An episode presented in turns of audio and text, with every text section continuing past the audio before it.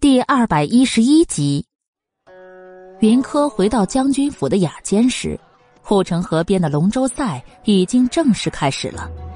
看到云柯回来，荣琪第一个凑过来，将他拉到窗户边，给他解释：“你看，那是六王爷的队伍啊！听说啊，这些人都是六王爷花大价钱的好手，目标便是魁首。魁首吗？”云柯的耳边响起楚天阙的话：“这次龙舟赛，老六可是托了好些老臣说情，父皇才让他出来参加。他是打着夺魁首的机会来哄父皇开心。如果真让他取悦了父皇，那本王的娇娇肯定就会生气的，对不对？”如果楚逸轩真的拿了魁首，在皇上面前刷了存在，那他自是不喜的。可这些他不会与人说呀。他又是如何知道的呢？心猛地一揪，自重生以来，这是他情绪波动最大的一天。耳畔，荣奇的声音又起：“哇，王爷的队伍看起来更强壮呢。也是，战场上下来的人，又岂是一些孬种能比的？今年宁国侯府还能不能拿魁首，可能要问过三王爷喽。”云柯顺着荣琪的手指看去，果然就看到了三王爷队的龙舟上，那身姿挺拔的为首之人，正背着双手目视前方，像是察觉到他的目光，遥遥一望，云柯竟从那目光中看到了陌生，胸腔里的那颗心再一次受到了撞击，痛的云柯忍不住想轻呼出声。他是不是丢失了一些什么东西呢？不然，心里为什么那么空，那么的难受呢？科儿，你是不是不太舒服啊？荣琪见他皱着眉头不说话，有些担心的问。云柯又看了一眼楚天阙的位置，这次他并没有看他。云柯心里更加的难受，同时心里也有着浓浓的担忧。那一刀有多深，他多少是了解的。只是让韩秋替他简单的包扎，他就这样直接上场了。要是等下动作过大，再撕裂伤口，可怎么办？可担心的话，云柯说不出口。现在的楚天阙也不会想听。轻叹一口气，云柯歉意的向荣琪低语了几句，最后便由荣琪陪着他一起去向外祖和外祖母告辞。啊，祖父祖母，你们放心，我一定啊亲自将妹妹送回景院。荣琪拍着胸口保证，老夫人又再三交代，再同意让他将人送回定国侯府。回到锦院的云柯，直接躺到床上蒙头就睡。韩秋、韩月有心想问他发生了什么事情，见他这模样，也是什么都说不出来。云柯迷迷糊糊的睡着了，像是又回到了前世。他亲眼看着自己从灵山回来，然后在路上接到荣巧和云商的书信。回府后，便被荣巧母女忽悠到西院住下，接着在将军府的寿宴上对楚逸轩一见钟情，再后来，便是被楚逸轩与云商母女一起哄得团团转。亲眼看到外祖一家因他的牵连而家破人亡。更重要的是，他竟然亲眼看到自己被那刽子手砍下了脑袋。云柯很害怕，这样的情况他两世都不曾遇到过。他不知道自己在哪里，为什么可以看到这么多前世的事情？他努力的想出声说话，可是说出来的话根本就没有声音。自己的身边也没有人。他眼睁睁的看着自己的脑袋被砍下后滚落一旁，那些监斩官和刽子手匆匆离去，他的尸体被人收了起来，然后带到了郊外。监制：君言讲故事。第二百一十二集。城外僻静处，一座孤坟坐落。云柯清楚的看见那孤坟的墓碑上清楚的写着“楚天阙之墓”，然后那替他收尸之人将他的脑袋和尸体拼放在一起，从怀里拿出一支碧玉簪来。王爷，你平时老说小的傻，可小的觉得你才是最傻的。你说这个女人有什么好？对你的青睐置之不理，却偏偏被楚逸轩那头中山狼蒙骗。这根碧玉簪可是你亲手雕琢出来的，可他却一直认为是楚逸轩为他寻来的。他放着三王妃不做，却偏偏去做六王妃。如今六王爷登基为帝，他却落得个身首异处的下场。他只不过是高烧不退，你就将自己的续命良药天山雪莲转让给他。若你服用了天山雪莲，你压根就不会死的呀。你为什么要将活命的机会留给这样一个女人呢？王爷，你可是有宏图大志的人呐！如果当初你没有毒发身亡，如今哪里会有楚逸轩的地位？你可以一统天下的呀！王爷，你为什么要爱上这么一个女人呢？爱的连自己的命都可以放弃。云柯整个人都像是被雷劈中一般。为什么？为什么会这样？那根碧玉簪是他前世及笄时收到的礼物，他一直以为是楚逸轩送给他的。他问过楚逸轩，当时楚逸轩并没有反对。而那天山雪莲也是他久病不愈，楚逸轩替他向皇上求来的。当时楚逸轩说，皇宫里正好有人进向天山雪莲，而他作为皇上未来的儿媳妇，所以皇上愿意恩赐。这是默认她作为六王妃的意思。当时他高兴了好久，也因为他个人兴致高，天山雪莲与他的身体并没有产生排斥，很快的融合在一起，高烧很快便退了。无论是碧玉簪，还是天山雪莲，他都以为是楚逸轩给予他的，从来就没有想过这两种东西跟楚天阙有什么关系。更不会想到，碧玉簪是他亲手打造，天山雪莲更是他的救命之物。如果知道，他如何会要呢？可如今格氏在听到这些，他的一颗心像是浸泡在苦水当中，既恨前世楚逸轩对他的欺骗，也恨自己对楚天阙的亏欠。王爷，小的已经照您的遗言吩咐。将云三小姐的尸体带来了，马上就将她与您合葬。你曾说过，生不能同寝，死也同穴，这样你们下辈子才能有机会在一起。小的不希望你再因为云三小姐而伤心，但如果合葬能够让你高兴的话，小的定是要照办的。祝愿你和三小姐能有来世，来世你们可一定要好好的呀，也不枉费。你这是这般付出了，云柯已经听出来了，这说话之人就是天童。原来楚天阙前世还吩咐过天童，要他合葬求来世。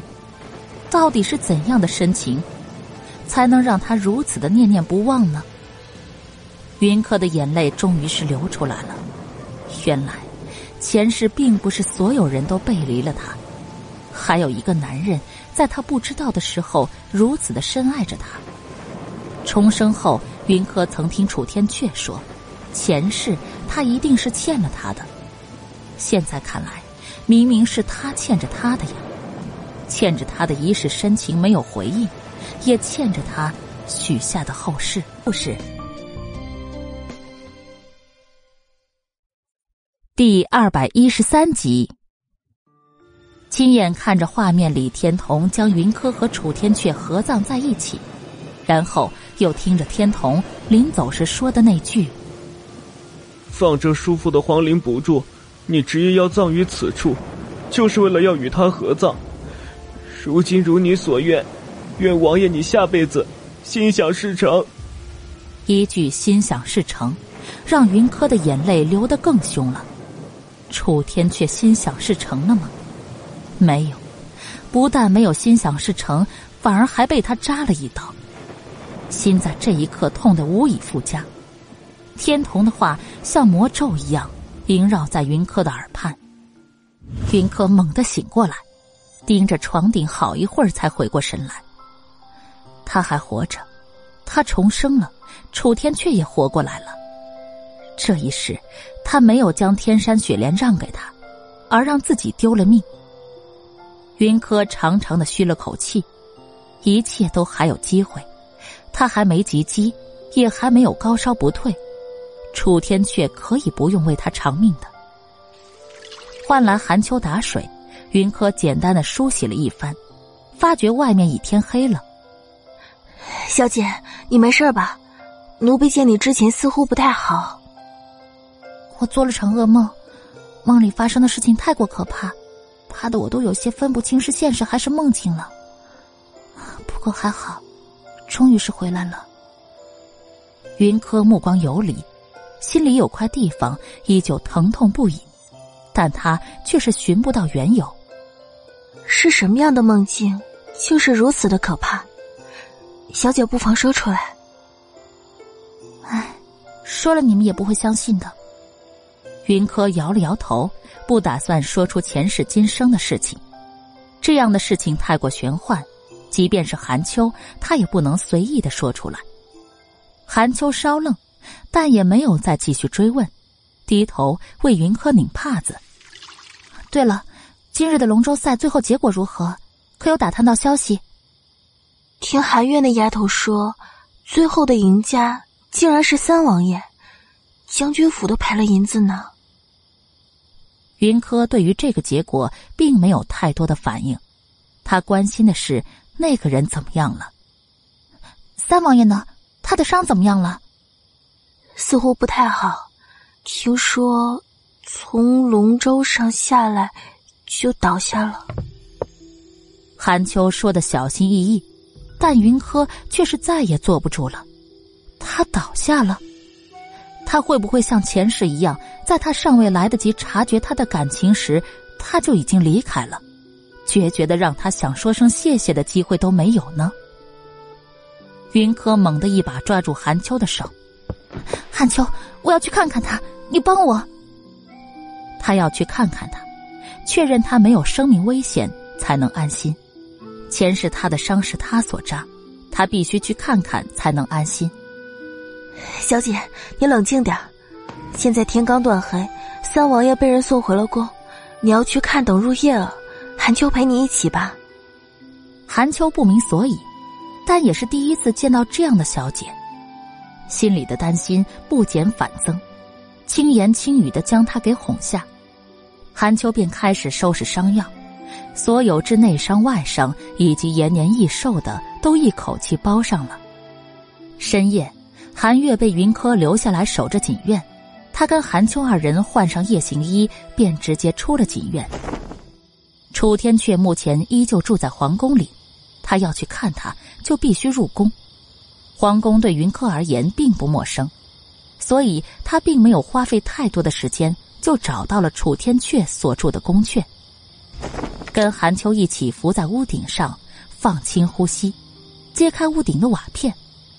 云柯目不转睛的看着床上那毫无血色的男人，眼睛酸酸胀胀的，极不舒。第二百一十四集，本宫不明白你是怎么想的，为了一个女人，把自己弄成这副要死不活的模样。唉，如果早知道把你生出来，就要看你这副鬼模样，本宫还不如一早把你掐死在娘胎里。楚天阙的床前站着一个愤怒异常的宫装美人，他的一双美眸中写满恨铁不成钢，哪怕是云柯隐藏在屋顶上，都能感受到他此刻不平静的内心。楚天阙却是抬起眼皮，不咸不淡的扫了天卓一眼，眼里的厉芒一闪而过，对于天卓这打小报告的行为很是不满意。母妃如此相信一个奴才说的话，那儿臣接下来的话也没必要开口了。怎么长本事了是吧？你有脸做，还不让人说了？本宫倒要去瞧瞧，那云三有什么三头六臂的，能让你如此作践自己？哼！母妃何必激动？人家压根儿看不上你儿子呢。楚天阙脸上落寞的神情一闪而过。小姑娘是真的很狠心啊！刀子插进她的身体，她并不觉得痛，但是小姑娘的狠心之举，却让他觉得扎心窝子的疼。什么？他连你都看不上？哼，那不是个傻的，就是个蠢的。德妃气急反笑，牙齿咬得嘣嘣响。他没别的特点，就是护短。自己生的儿子再不好，也容不得别人嫌弃。楚天阙自嘲一笑，从云柯的角度看去，他脸上的寂寥越发的明显了。云柯心一疼。想着天童在坟前说的那些话，很想下去告诉德妃，他岂止是傻蠢，简直傻的让人生厌，愚蠢到姥姥家了。朝韩秋使了个眼色，然后韩秋就趁黑飞向德妃寝宫，一会儿德妃便因宫内走水被人请走了。云柯落在楚天阙房里的瞬间，天卓就拔剑刺来。云柯用两根手指捏住他的剑尖，让他动弹不得。天卓看清来人是云柯之后，有些不淡定了：“你这女人还来做什么？不是说好不用再出现在我们王爷面前了吗？”云柯不理他，直接将他的长剑拨到一边，然后缓步朝楚天阙的床前走去。明明是熟悉的眉眼，可在看到那些画面之后，云柯却觉得。他跟楚天阙之间像是隔了一个世纪那么久没见面，很多东西都在发生着变化。四目相对，楚天阙极快的转移目光，云柯的眼泪就这么掉了下来。云柯不顾天卓的阻拦，在他的床头坐下来，轻声问道：“伤口可还痛？”之前听说他昏倒了，便火急火燎的赶过来一下。此时见他虽然脸色苍白，但人是清醒的，想来回宫之后又做了止血的处理。不用你管。闷闷的，带着明显气性的语调，云柯沉默下来。如果你是来可怜本王的，那你可以走了，本王不需要同情。这下换成了明显的嘲弄语气。对于云柯的到来，他显然不太欢喜。云柯眼底一暗，前世他辜负他，这是他扎伤他，他恼他也是应该。晦涩的咽下心头的难受，云柯半晌才抬头挤出几个字来：“既然王爷没事，那小女就不打扰了。”说完，云柯起身，原地站立，像是在组织语言。最后才补充道：“刺伤王爷，则在云柯，小女愿意接受一切后果。这一世，如果还他一条命能换来心安，那他愿意做。”监制：君言讲故事，第二百一十五集。只是说完这句话后，他就明显的感觉到屋子里的气温有所下降。楚天却不说话，云柯便准备转身离开，步子刚刚迈动，便觉得整个人被一股力道往后拉了去。一声巨响后，云柯紧靠床头，楚天却则是整个人逼近他，凶神恶煞的问他：“今晚来干什么？来看本王死没死？”不是，云可有些生气，他怎么可能那么恶毒？可这反驳的话他说不出口，他伤了他是事实。担心你的伤口，所以过来看看。细若蚊蝇的声音，却是让楚天阙整个人一愣。小姑娘担心他，这次改变策略了。这是楚天阙唯一能想到的原因了。可是他刚一说出口，就见小姑娘红了眼睛，他喉咙发紧，直觉的就想安慰她，可又担心小姑娘接下来的话会戳心窝子。疼不疼？云柯伸手摸向楚天阙的伤口，因为他下床的动作，伤口似乎又裂开了。云柯心疼的眼泪直接落下，他分不清这一刻的自己是对前世楚天阙的心疼，还是对这事楚天阙的愧疚。他无声的哭着，不见丝毫声音，泪珠一颗一颗的往下掉，小脸触手可及。楚天却不由自主的伸手去接他的眼泪，不一会儿，泪水就蓄满了他的手心。小姑娘见他动作奇怪，有些不解的抬头，蓄满泪水的杏眸里雾蒙蒙的，看得楚天阙心都快化了。重重的叹了口气，楚天阙伸长手臂将人给抱到了怀里。小家伙。本王已经给过你机会让你离开，这次是你自己主动送上门来的。日后你再想后悔，本王可不会再轻易的放手了。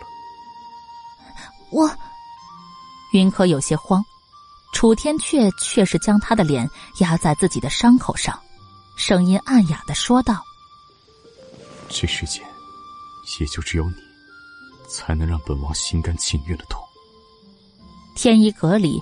看他绝情的离开，楚天却强忍着心痛，告诉自己：他再喜欢小姑娘，可他不待见她是事实。与其两件生厌，就不如趁着小姑娘还没爱上他时分开。好歹痛苦的是他一个人。可这会儿见他落泪，他才发现，光是想着他以后有可能会陪在别的男人身边，靠在别的男人怀里哭。他心里就难受的无法言说。小姑娘还愿意为他掉泪，便说明他心里至少是有他的吧。那以后他就再也不会放手，一定将这一分变成十分。云柯的眼泪再次倾盆而下，他不想让他痛，再也不想了。我以为你会躲开的，我不是故意的。虽然解释有些苍白。但云柯还是说了：“嗯，我知道。不是我知道，而是我知道了，说明他一开始还是误会他狠心的。你的伤口又流血了，我让韩秋进来给你上药。眼见着他衣服上的血渍越来越多，云柯很慌，挣扎着就要从楚天阙的怀里出来，去门外看韩秋来了没。告诉本王。”今晚为什么来？嗯。可楚天阙却是拉住他，那模样似乎对他之前的答案很不满意一般。我担心你。细细的带着女儿家特有的娇憨，云柯终于是承认了，他对楚天阙并不是毫无感觉的。楚天阙却是孩子气的凑近他几分。本王没听见。娇娇说：“大声点。”嗯，不是。第二百一十六集，云柯仰头看到他眼里明显的戏谑，顿时便恼怒几分，又垂下头，打定主意不再说了。哎呀，好痛！可能是刚刚扯着伤口了。哎呀，那你赶紧坐下，我让韩秋进来替你重新包扎伤口、上药。云柯见他痛呼，当即便准备往外冲，那模样是发自内心的着急担心。楚天却呼出一口浊气，感叹一声：“ 你就是本王最好的药。”他就是他的药，是他的救赎。有他在，伤的再深都感觉不到疼。可若他要伤他，不用任何武器，只要一两句无关紧要的话。就足以让他万劫不复。云柯一僵，你就是本王最好的药。原来他的深情一直都在，是他太过迟钝，没意识到。谢谢你今天赢了龙舟赛，让楚逸轩没有了翻身耀眼的机会。云柯谢得很真诚，可楚天却听到这话，却是凑近云柯两分，暧昧的问他。那娇娇给本王什么样的谢礼？嗯，谢礼？这个男人刚刚还阴沉着脸，一副要与世界为敌的模样，怎么这会儿又这么快的跳到谢礼上了？云柯不愿意谈这个话题，可楚天阙却不依不饶，故意使坏，凑近云柯说话，将温热的气息都喷洒在他的脸上。云柯一愣，踩了他一脚，便想趁机避开，却被楚天阙重新拉回怀里。娇娇还没说要给什么谢礼呢，本王今天可是拼尽全力了。见他竟然还真的认起真来，云柯也不好再敷衍。哎，那你先上药好不好？我希望你的伤口快快好起来，这样我就不会一直内疚着。小姑娘皱着眉头。娇娇软软的说着自己会内疚的话，楚天却觉得，如果受伤可以换来小姑娘态度的转变，那他不在乎自己多受几次伤了。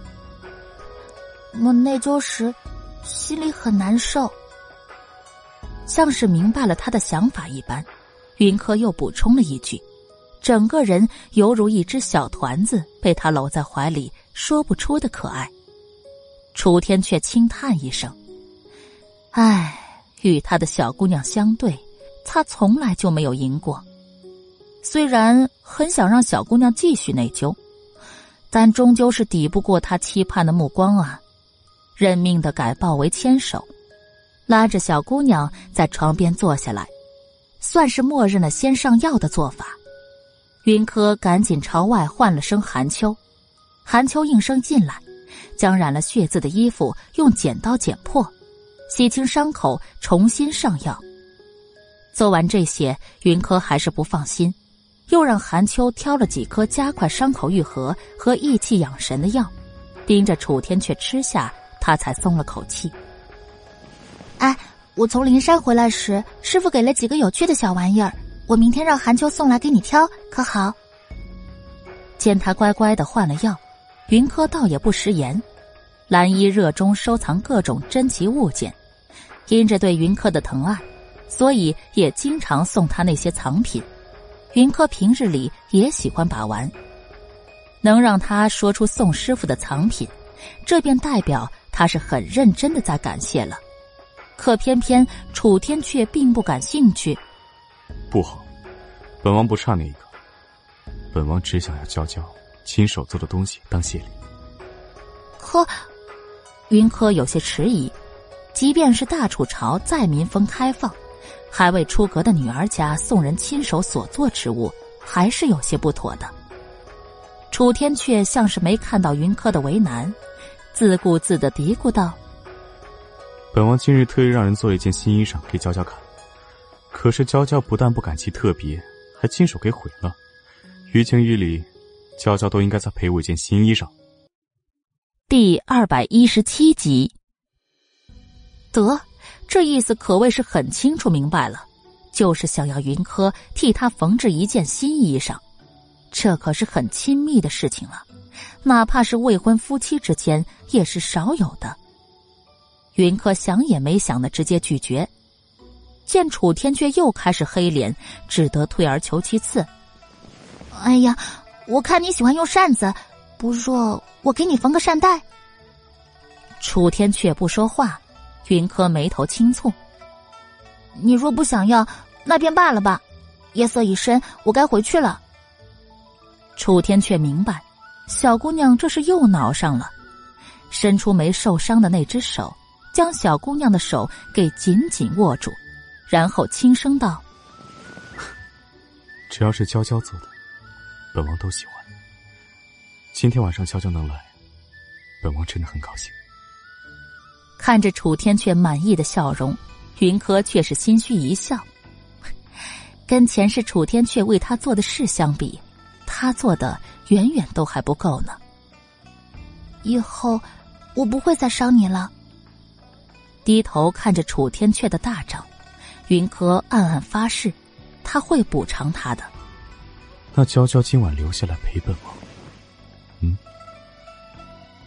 小姑娘变化也太大了。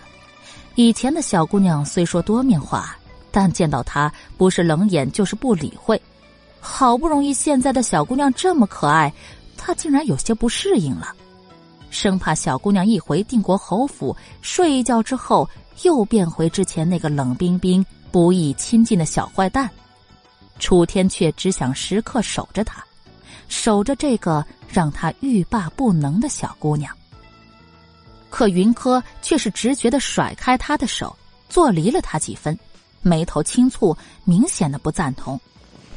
那你授受不亲，今夜来看你就已经是愉悦了，你又说胡话轻薄我。到后面，云柯自然的又带上了几分委屈。这人说话之前就不能过过脑子吗？他要真的留下来被人发现，那他以后还要不要名声的？楚天阙显然也是才想到这一点，轻拍额头，退而求其次的道：“那本王跟你回景院。”嗯。见他冥顽不灵，云柯气得直接瞪了他一眼，鼓着腮帮子拒绝：“啊，不行！你好好养伤，我先回去了。”哎呦，伤口好痛啊，好痛！见小姑娘真的说走就走，楚天却又捂着伤口哼哼着。云柯明知道他是故意的，但又不得不停下脚步，黑着脸站在楚天阙的面前说道：“哎呀，我现在相信你对我的心意，但你得给我时间适应啊！不许你随意的动手动脚，要再敢轻薄我，不经我允许就亲我抱我的。”我，我就再也不理你了。小姑娘说的很认真，可楚天却压根儿没听清楚她到底说了啥，所有心思都落在小姑娘红润润的小嘴上了。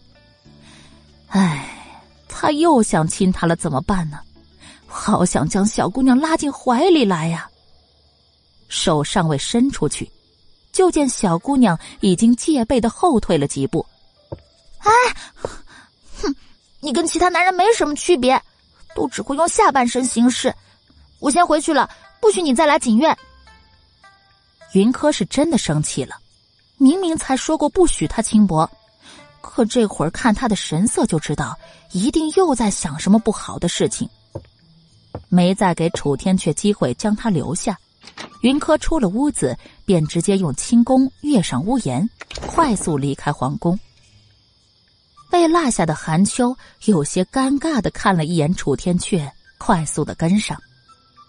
跟其他男人一样没区别，小家伙到底接触过多少的男人？轻喃一声，看着再次空荡下来的屋子，楚天却丝毫没觉得自己的关注点不一样。监制：君言讲故事。第二百一十八集，想着小姑娘气呼呼的模样，楚天却心情大好。至于之前想的不再跟小姑娘来往之类的话，完全抛到了脑后。自己的小姑娘还是自己来冲比较好。楚天却随意的往床上一躺，脑子放空，将今日的所有的事情都过了一遍。回想小姑娘之前在天一阁里，是因为她突然说到要将她禁锢在身边，所以才突然发怒，将刀子扎了过来。顿时明白了几分，不由得苦笑。他哪舍得真的禁锢她呀？只是当时被他气糊涂了，只想证明自己在他心里的特别，才说了胡话。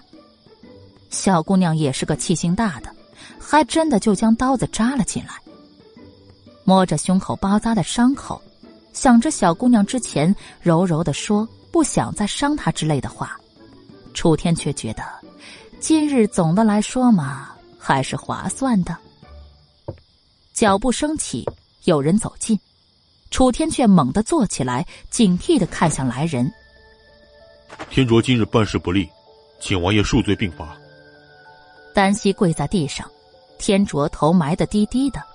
楚天却轻嗤一声：“哼，天卓，你让本王恕罪并罚，不如你来先说说，你都有哪些错？”天卓没有保护好王爷，让云三小姐行刺成功，此为其一；其二是没有替王爷守好门，让云三小姐有机会靠近。哼，本王过去还真是小看你了。楚天却抄起床头的玉枕砸向天卓。整个人怒不可遏。天卓被砸出一脑门的血，但依旧不偏不倚的跪在屋子中间。除此二条之外，天卓不知道还有第三条，请王爷明示。你回母妃身边去吧，本王身边不需要人在曹营身在汉的奴才。楚天却随意的挥了挥手，也算是告诉了天卓他生气的原因在哪儿。天卓浑身一颤，张嘴欲言，又觉得无从说起。他的确将王爷被云三小姐扎伤的事情告诉了德妃娘娘，可德妃娘娘不但是他的救主，更是王爷的母亲啊。他有心想问，他没办法不回答，最终只得挤出几个字来。娘娘她也是关心王爷，并无恶意。楚天却冷嘲一笑：“哼，可本王身边有恶意的人太多，本王不希望将来有一天，本王的敌人从你的嘴里得知本王的行踪。所以，你走吧。”天卓抬头，见楚天却并没有要改变主意的意思，一脸灰败的离开。楚天却并不关心天卓会去哪里。他相信母妃会处理好的。云柯向来言必行，行必果。他说了不许楚天阙来锦院，不见他那便是真的。贪恋小姑娘香香软软的身体，楚天阙伤口稍好，便直接夜探锦院。可这次无论他怎么使劲儿，就是破不开小姑娘新设的阵法。忙活了大半晚上。她依旧被阻拦在锦院门外。王爷，小姐说了，她现在不想见你，你还是节约些力气吧。小姐对阵法的领悟，可是连蓝衣师傅都称赞不绝的。她有心不让你进，你就真不能进。院内，韩月听到楚天阙的骂娘声，便扬着嗓子善意的告知：“那你家小姐可说，什么时候愿意见本王？”楚天却咬牙切齿的问。小姑娘还真是长脾气了，不是？哼，等见了面，她非要抱个够、亲个够不可。小姐说：“王爷什么时候学会了礼貌待人？她在上门拜访王爷。”韩月的声音里带着明显的笑意，似乎很乐意见到他吃不是。第二百一十九集，楚天却另生一计。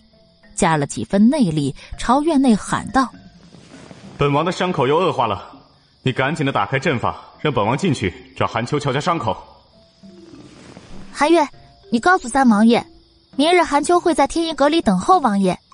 如果王爷真的伤口恶化了，可以去天一阁让韩秋看伤口。今日天色已晚，还请王爷早些回宫。要是因为王爷在外逗留太久导致的伤口恶化，那锦院的阵法作为罪魁祸首，可是会要再延长几日的。这次说话的是云柯本人。夜风中，小姑娘清冷的声音听在楚天阙的耳朵里多了几分沁凉，浇灭了他见不到人的烦躁，但也让他满足了几分。见不到人，听得见声音，也算是补偿吧。可是小姑娘的话未免可恶了几分。这是赤果果的威胁，意思是如果他还滞留不离开，那他就会更加久的不让他进锦院。唉，活在这世上二十几载，楚天却还真是从来没被人这么威胁过。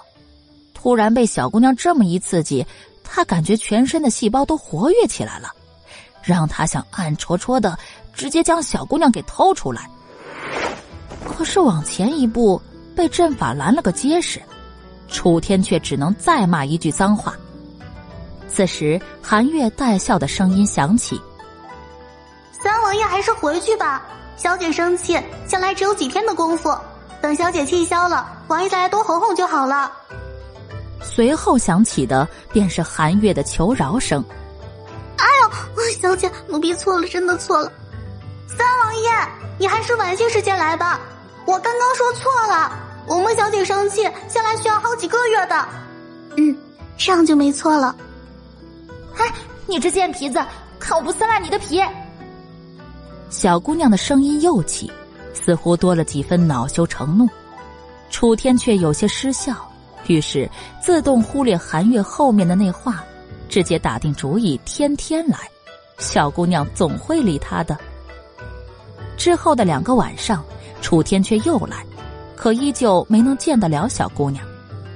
直到她的伤口已经大好，也知道云州被封定国侯世子的事情被定下，他夺了宣旨太监的活计，以王爷之尊降临定国侯府宣旨，图的就是见一见他的小姑娘。定国侯府。楚天阙手持圣旨，骑在高头大马上，目光锐利的扫视过面前跪着的那一排人，发现人群里并没有他的小姑娘，神色有些不悦。父皇的圣旨是下给整个定国侯府的，老夫人理应让定国侯府所有人都出来接旨，以示对吾皇的尊重。被张嬷嬷扶着的老夫人回头望了一眼。发现果然到的只有大房的人在，三房无一人到场，当即面色一冷，吩咐小厮去三房通知，然后又亲自上前对楚天阙说道：“三房离大门颇远，不如三王爷先下马，稍作休整。”楚天阙轻哼一声，没有移动半分，坐在马车上才能第一时间看到他的小姑娘，不是？心里正被小姑娘勾得痒痒的，唉，可却法子用尽，就是不能多见小姑娘一眼，这种感觉真不好受。只是等远处人影靠近时，楚天却又失望了，他的小姑娘压根没来。楚天却黑着一张脸，听气喘吁吁的云玉解释：“下官见过三王爷，小女云柯身子不适，不便前来接旨，还请王爷见谅。”原本就是为小姑娘而来，现在小姑娘不出现，他也没了宣旨的兴趣，直接将圣旨扔给天童。既然人数到齐了，那就直接开始吧。天童洪亮的声音响起，楚天却坐在马上，看着锦院的方向，咬碎了牙。第二百二十集，云州的世子位置稳固下来。李氏母女两个在侯府里又开始高调起来。据韩露打听来的消息可知，李氏经常带着云芝去参加所谓的上流社会的宴会。在母女两个的经营下，云芝的名气大涨，隐有超越秦如的迹象。侯府里陶姨娘母子被勒令不得随意出院门。云泰虽有心怜惜，但也还是拗不过老夫人。再加上李氏学着云科，给云泰又安排了一个年轻漂亮的丫头，他就更想不起陶姨娘母子了。对于大房的人，云科还真是不太想理会，唯一关心的也就是云州罢了。让他觉得意外的是，云州自柳姨娘的事情之后，像变了一个人似的，行事之间尽显霸道，再也找不出当初做事畏手畏脚的样子。听韩秋说，他现在的身体也是越来越好了。云柯觉得挺好的，这才是定国侯府未来接班人应有的模样。此时不到晌午，他便蔫蔫的趴在窗前，有些无精打采。同样不喜欢京城天气的还有韩月。小姐，不如我们回灵山避暑吧。云柯有些神往。离开灵山这么久，他还真的是有些想念师傅和师兄了。也不知道师兄他收到他的信了没有。只是回灵山的决定还没落下，便被一道欢快的声音给打断：“三姐姐，你看我给你带什么来了？”门外云朵快步走进来，身边白竹手上提着一个食盒，那小心翼翼的模样，让人轻易的就认为是食盒里的东西。是十分珍贵的，啊！姨娘又做新点心了。云柯含笑问道：“刘姨娘出身南方，漂泊京城多年，却依旧没有忘记年少时的家乡甜点。云朵病好后，她感恩云柯的善待，特意做了家乡点心送来锦院。被云朵激发了孩子气性的云柯，见刘姨娘的点心卖相很好，胃口大开。”此后，刘姨娘便经常让云朵送点心来，韩秋、韩月等人也司空见惯了。此时见云朵兴致冲冲的来，云柯自然第一时间猜测她是送点心来的。云朵跺了跺脚，嘟着嘴让白竹将食盒放在桌子上，然后亲自将食盒打开。嗨，这次你们绝对是猜不到的。云朵有些神气，云柯笑吟吟的示意他继续说：“我娘说端阳过后，这暑气是越来越严重了，所以她特意煮了些绿豆汤，放在井水里冰镇了一会儿，才让我送来。”说着，便从食盒里端出一个大碗来，碗里的汤汁颜色葱郁，极为的漂亮，看得人胃口大增。韩秋赶紧拿来小碗，替云柯分装了一碗递过来。云柯倒也没推辞，在云朵巴巴的目光中，将一碗绿豆汤喝完。怎么样？怎么样？好不好喝？我姨娘说绿豆性凉，又用井水冰过。女儿家不能贪多的，三姐姐喜欢喝，她明天再熬。嗯，有劳姨娘了。云柯笑意浅浅，刘姨娘总将她当恩人，她也曾说过要刘姨娘不要做这些活，交给下人就好了。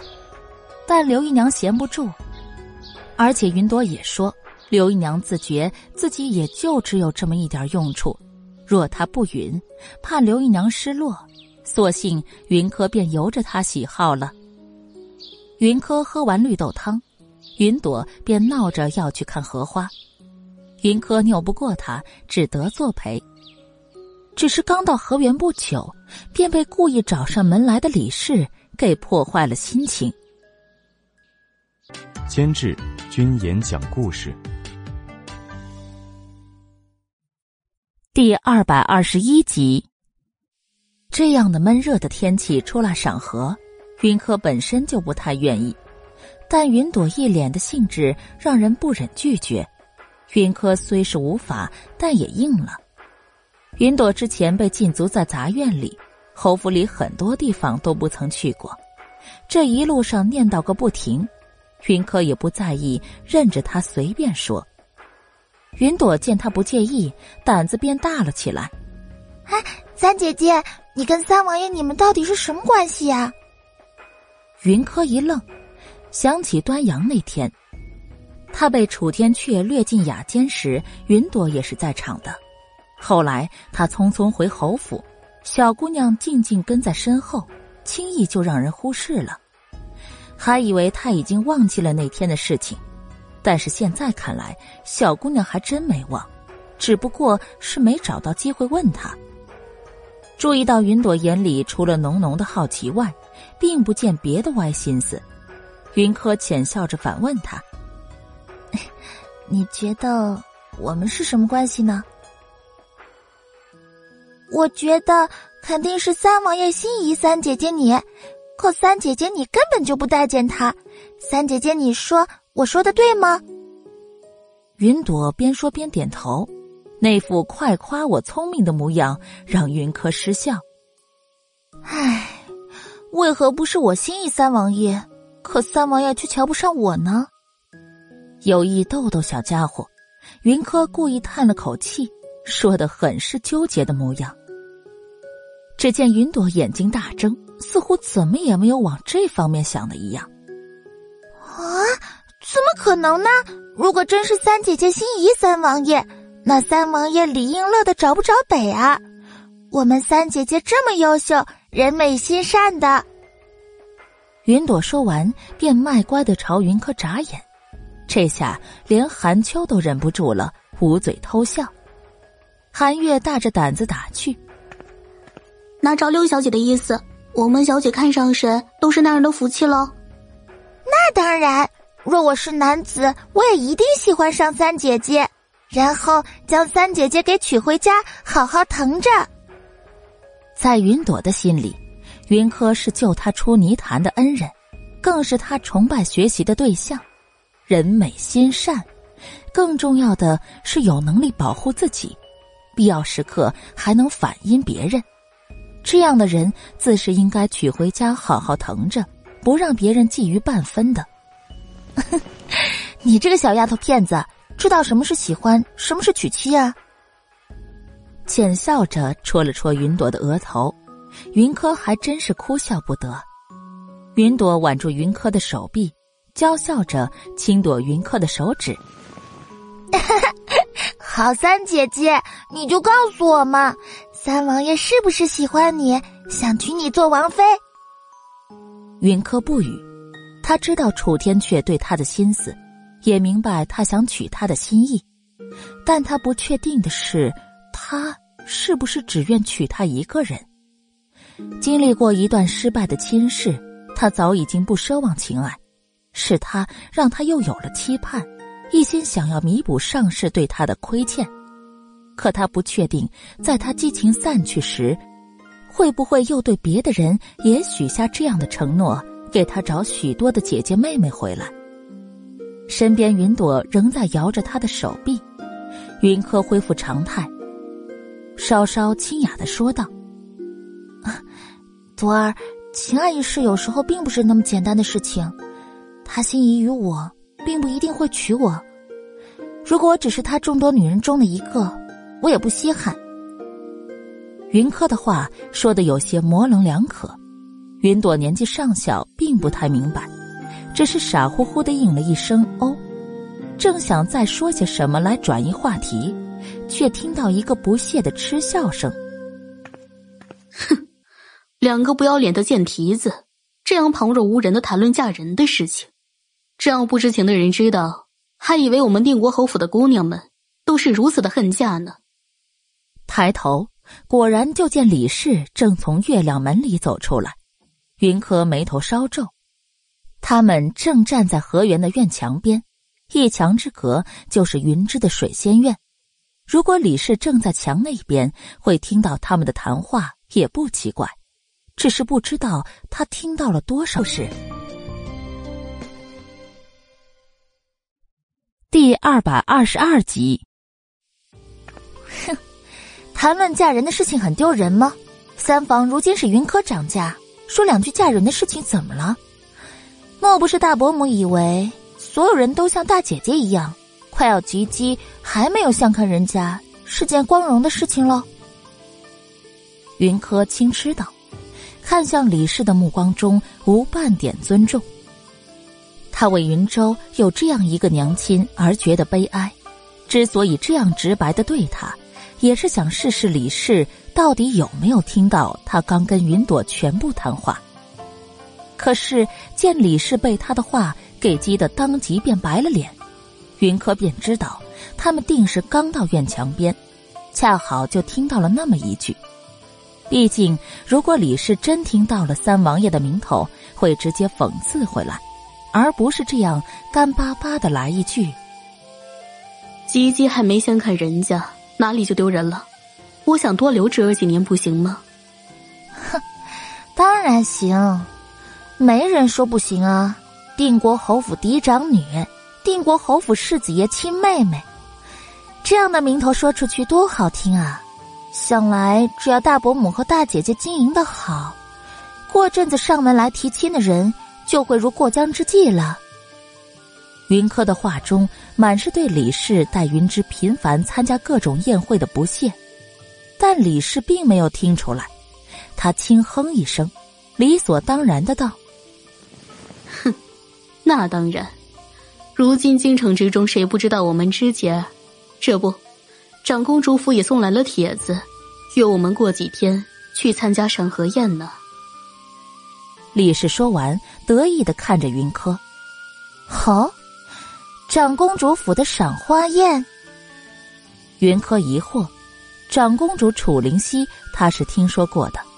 这位长公主是皇上的第一个孩子。”也是皇上最喜欢的一个公主，自然生母早逝，养在德妃身边。但前世云柯并不曾跟她打过交道，只听说这位公主年少时也是个嚣张跋扈的主，自己亲自上战场追夫，后来驸马战死沙场，留下儿子给他。这些年他忙着教养儿子，很少在外头走动了。只是这突然间的。为何设宴赏花呢？而且连定国侯府都收到了帖子，莫非这赏花宴有什么特别的含义？云柯分神细细思量，看在李氏的眼里，便是云柯对收到帖子的大方羡慕嫉妒恨，顿时又得意起来。怎么样，柯姐，要不要你芝姐姐也带你去见识见识？云柯一愣，要云芝带他去见识，确定会见识到场面，而不是让他去衬托云芝的。云柯轻笑不说话，李氏更得意。柯姐，你外祖家是好，但他们终究是顾不到你的。你是三房长家的部家，可从古至今，还真没有哪个姑娘家的婚事是自己操办的。只要你三房没有主母坐镇的一天。你的婚事，就还是要老夫人或者我来操办。所以柯姐儿啊，骨气是好东西，但你并不一定要得起。话到这里，说的就有些严重了。云柯沉下脸来，微眯着目光看着李氏，他到底哪来的脸跟他说这些的？若不是他之前替云州洗刷罪名，以云州一心求死的意思。大房的主母早就被陶姨娘取而代之了，哪里还会有他李氏在这里瞎逼逼？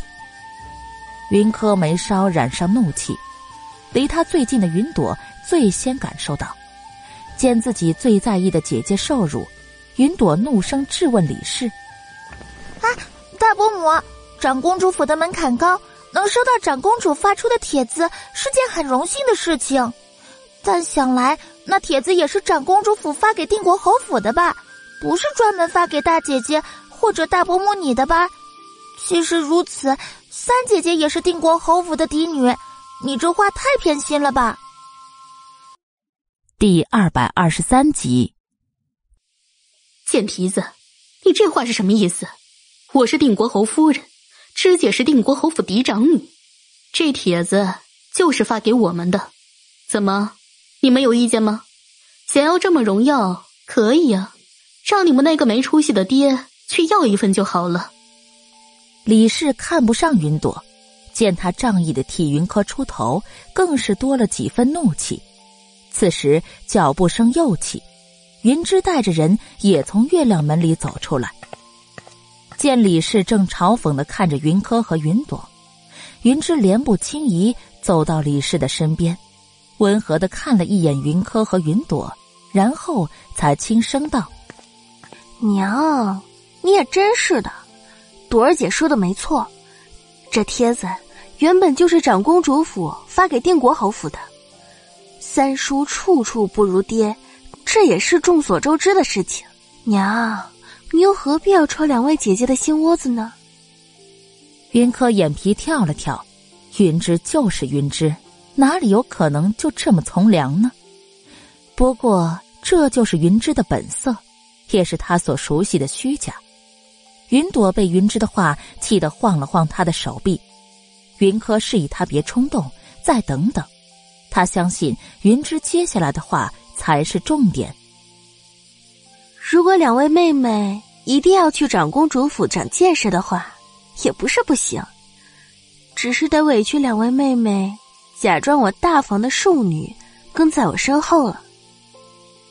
果然，云芝马上就将重点说了出来。对于云柯，她有着天生的危机感。长公主府从不轻易设宴，这次的赏荷宴来得太过突然，他特意让人去打听了，听说整个京城的权贵都请了，皇子们也都差不多会到齐。这对他来说可是个扬名的大好机会，云芝觉得自己一定要好好利用这个机会。如此一来，他自然是不希望云柯去搅黄的。之所以会这么说，是因为相信以云柯的狂傲，绝对不会同意假扮庶女的。哎，大姐姐，你太过分了！三姐姐与你一样也是嫡女，你为何要如此的羞辱于她呢？哪怕是云柯一再的要她别出头，但云朵还是忍不住跳出来对上云芝。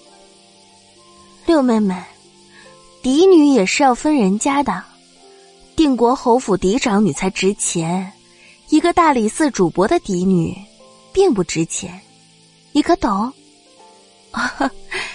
你当然不会懂，你不过是个见不得光的庶女，能出来见人，还多亏了你的这位好三姐姐，你自然得替她说话，不然她到时候又把你关进杂院去怎么办啊？云芝蔑视的看着云朵，同样不屑的目光又扫向云柯。李氏在一旁欣慰的笑了，他的女儿就是厉害。同样一番话，不但是打击了云柯，更是挑拨了云柯和云朵之间的关系，真是妙哉！大姐姐说的没错啊，嫡女不光是要分人家，还要分过继与否。唉，真是可惜了陶姨娘啊！听说大伯平日里可是最喜欢成歌的呢。云柯对着云芝笑得见牙不见眼，话里的意思很明白，就是提醒云芝他们大房威胁可不小呢。他云芝真以为自己就这么坐稳了嫡长女的位置吗？若他与陶姨娘联手，李氏能不能坐稳正室之位还不一定呢。云客，你这是什么意思啊？云芝最怕娘亲争不过陶姨娘，因为陶姨娘比他娘更得他爹的宠，就是字面上的意思。想来大姐姐也知道我脾气不太好，如此这样的话再让我听到，我可不会保证我会不会教陶姨娘一些东西。三房能让一个姨娘掌家多年，为何大房就不可以呢？何况还是有儿子撑腰的姨娘呢。想来大伯会愿意的。韩秋替云州调养身子的事情，李氏母女并不知道。云柯这番威胁让他们很害怕。如果真让陶姨娘因成哥又恢复了宠爱，那大房还真就没有他们母女俩的位置了。陶姨娘的记仇可是出了名的。监制：君言讲故事。第二百二十四集，柯姐说了这么多，不就是想去公主府吗？芝姐，你就带她去吧，嫡女就嫡女，全京城嫡女多了去，也不差她这个。见云芝被云柯的话吓到，李氏出来打圆场，猛朝云芝眨眼睛。现在应下又如何呢？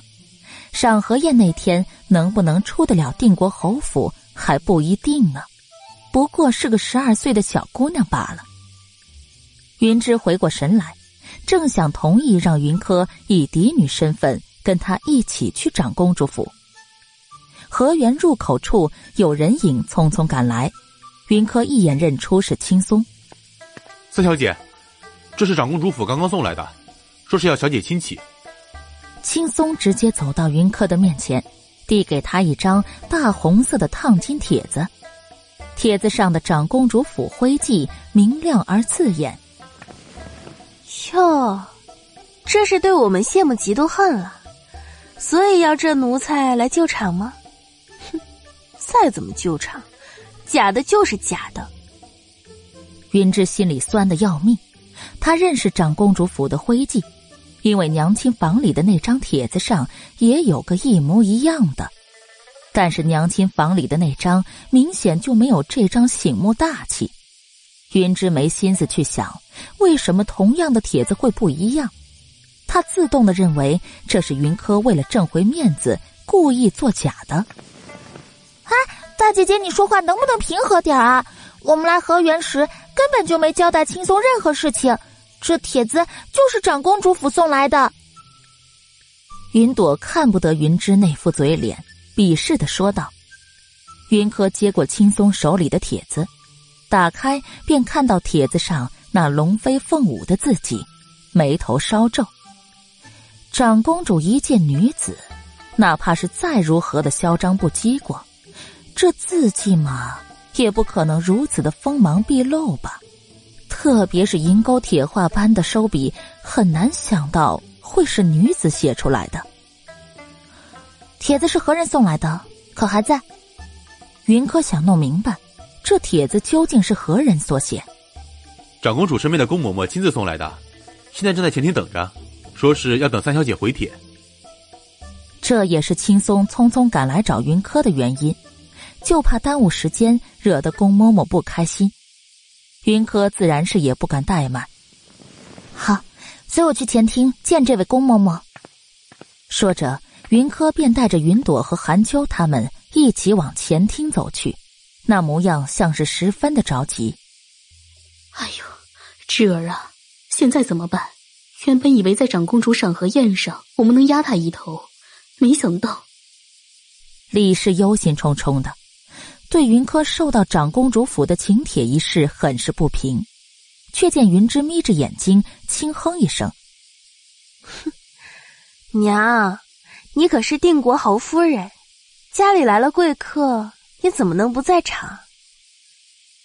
见李氏仍然不明白，云芝索性拖着他往前走，一边走一边解释：“你是东道主，理应在场看着。如果那帖子是真的，你是尽地主之谊；如果是假的，那可得大义灭亲啊！”这下李氏哪里还有不明白的道理？母女两个脚下生风一般来到前厅里。云柯正笑盈盈的跟那宫嬷嬷说着话。我们长公主的意思是，希望赏荷宴那天，三小姐可一定要来，她会在府里等着三公主的。宫嬷嬷默默的打量着云柯，眼里闪烁着云柯不明白的光芒。见云柯不卑不亢，进退皆有理，心里满意了几分。打算等下回府，便向长公主如实以告。长公主的邀约，云柯不敢不从。只是云柯有一疑惑，能否请嬷嬷帮忙解答？云柯浅浅一笑，双手一直交叠在右下腹处，举手投足都是最标准的公礼。宫嬷嬷有些意外：“三小姐，请说，老身定会知无不言。”长公主对眼前的小姑娘可是好奇的很，她自然不会怠慢。云柯斟酌一番，才缓缓开口：“啊，云柯就想向嬷嬷打听，这帖子是何人所写呢？”宫嬷嬷一愣，长公主交代了许多，却唯一没有交代云三小姐问起这个问题时，她要如何是第二百二十五集，这个可是主子们的秘密，未经主子们允许，老奴可不敢回答。若三小姐想知道，可以等那日去了，亲自问问长公主。宫嬷嬷打着太极，眼底的笑意满满。云柯突然就明白了，宫嬷嬷称呼长公主就是长公主。但却又突然加了个“主子们”，显然这帖子定不是长公主本人写的。既然不是长公主亲自写的，那会是何人呢？而且他的帖子也明显不是跟李氏母女说的那个是同一批，这其中又有什么是他所不知道的呢？既然宫嬷嬷已经说了不方便告知，那云柯自然也不会再强问。朝宫嬷嬷又是俯身一礼。嗯，云柯见帖子上的字遒劲有力、龙飞凤舞的，很是钦佩。等有机会，云柯再向长公主请教。故意曲解为自己为长公主所写，宫嬷嬷一愣，但又很快回神，倒没有纠正云柯。这让云柯又有些疑惑：难不成刚刚是他猜错了？字迹其实是长公主自己写的。三公主对书法也极为了解，啊，谈不上了解，只不过是各种字体都尝试过罢了。师傅蓝衣极好笔墨，绘画书法都堪称一绝。云柯在蓝衣身边十年，除了医术外，师傅的其他本事他学了个十成十。这泼墨挥毫之事。在云柯看来，既可以提升修养，又能宁心静神，所以学得特别认真。他跟宫嬷嬷说的话并不算夸张。宫嬷嬷有些惊讶，正想夸两句，却听一个略带几分嘲讽的声音插了进来：“三妹妹可不许调皮，妹妹离家十余年，并未系统的学习过，此番这样在嬷嬷面前吹嘘，让嬷嬷误会了可不好。”云芝检查了一下自己的衣着，并未发现不妥，才终于是跨步进来。云柯见他出现，嘴角轻潮，也不出声反驳，更没提他师承蓝衣。嬷嬷好，我叫云芝，是定国侯府嫡长女，这是我娘定国侯夫人。不知嬷嬷大驾光临，有失远迎，还请嬷嬷见谅。云芝走到宫嬷嬷的面前。一开口便是主人的姿态，说完还不忘拉了一把李氏，李氏则是赶紧吩咐下人上茶，上最好的茶。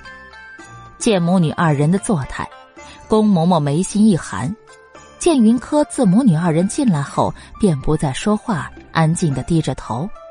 宫嬷嬷有些心疼，定国侯府的情况，她自然是了解的。想着这三房嫡女自幼丧母。又离京十余年，如今回来，亲爹不疼，还得被府里下人欺负。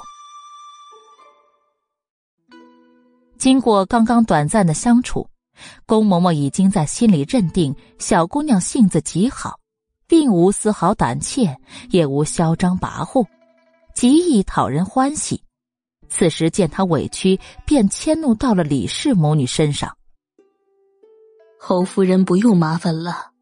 老身是受长公主之托，给云三小姐送帖子来的。既然云三小姐帖子已收到，那老身就不多留了。哎，嬷嬷，你不是才来吗？怎么就要走啊？喝杯茶再走吧。李氏不明所以，他想让女儿在宫嬷嬷面前多露露脸，这样的话，到了宴会那天，宫嬷嬷也能多照应一下。但他的挽留却让宫嬷嬷更加的不喜，没再理会李氏，反倒是走到云柯的面前，温声说道：“长公主交代了，要三小姐那日早些到，老身会在门口恭候三小姐的到来。”云柯一惊，宫嬷嬷可是长公主身边的人啊，很多时候都可以当成长公主本人的存在。宫嬷嬷在门口亲迎她，等同于长公主亲迎，这样的厚爱让云柯有些慌乱。第二百二十六集，啊，长公主厚爱，云柯不敢当。云柯深知木秀于林，风必摧之的道理，他并不愿意做那出头鸟，特别是在李氏母女面前。虽然他并不胆怯，害怕李氏母女。但却是怕麻烦之人。小姑娘眉头轻皱，想着多一事不如少一事，但在宫嬷嬷看来，就是不想在隔房伯母和堂姐面前太过出挑，怕会被记恨，因此宫嬷嬷也就更加的心疼。三小姐不必担心，张公主又是个令堂，有过几分交情，如今照顾故人之女，也是应当。宫嬷嬷这话算是为云柯找了一个很好的理由，想让他不用被李氏母女太过记恨。但云柯却是突然放下心来，原来长公主是因为跟他娘亲有过情谊，现在得知他回京了，才会如此的照应。既是如此，那他安心赴宴就是。他从宫嬷嬷身上并未感受到恶意。对即将见面的长公主也多了几分好感，那就有劳嬷嬷了。云柯定准时赴宴。宫嬷嬷满意的点了点头，然后便起身准备离开，目光扫过云芝，见她脸上的愤愤不平毫不遮掩，宫嬷嬷心里顿时不屑。名满京城的定国侯府嫡长女，也不过如此吗？还不如他身后的云三小姐呢。拒绝了云柯的亲自相送，宫嬷嬷回到长公主府，便直奔公主所住的安宁院。屋子里一男一女正在对弈，身着暗红色宫装的美人气呼呼的将黑子砸在棋盘上。哼，楚天阙，你就不能再让本宫一子吗？有你这样对自家姐姐的吗？皇姐，如果本王没记错的话，已经连让你十子了，你还要怎样？技不如人叫认输，大小也是个公主，就不能不这么丢人吗？楚天阙，你眼里还有没有本宫这个皇姐？哼，本王眼里若是没有你这个皇姐，会陪你在这里做这么无聊的事情吗？明显不屑的嗤声，楚天阙翻了个白眼，然后靠在椅子里，那姿态很明显就是不打算再继续这么个无聊的话题了。楚林夕被他的话给梗得面红耳赤，混小子！嗨，什么叫无聊的事情啊？有比你借本宫的名义给人家小姑娘下帖子来的更无聊的事情吗？楚林夕冷哼，话里话外遮不住的鄙视，说完还不忘恶狠狠的瞪了椅子里没个正形的男人一眼。五月的阳光浓烈，略有几分刺眼。楚天却就这样随意的靠在椅子里，右手撑在椅靠上。额际的碎发散落了两根下来，让他整个人显得慵懒不已。哪怕楚灵溪已经看了数年，但依旧觉得这家伙就是个妖孽，美的人神共愤不说，那性子更是如脱缰的野马一般不受控制。别看了，你那男人不在了，你看多了会出事的。梁博的话语里多了几分调侃。成功的将楚灵溪的感叹给掐灭，只剩下咬牙切齿。你你你信不信本宫会将你的小姑娘拒之门外的？容嬷嬷已经回来了，想必小姑娘已经收到了帖子。如果长公主想做言而无信的小人，本王也拦不住啊！楚天阙，你……楚灵溪被他气得胸腔急促的呼吸着。宫嬷嬷心疼自己看大的公主，当即跨步进来，朝楚天阙随意的一礼，然后便凑近楚灵溪的耳边嘀咕起来：“啊，嬷嬷，你说的可是真的？”楚灵溪眼睛一亮，侧着问宫嬷嬷。宫嬷嬷微笑，站着点了点头。见楚天阙目光扫来，他便温声问道。三王爷可想知道，老奴刚去定国侯府，发生了什么事情？监制：君言讲故事，第二百二十七集。不想，做不过那档子破事儿，有什么稀奇的？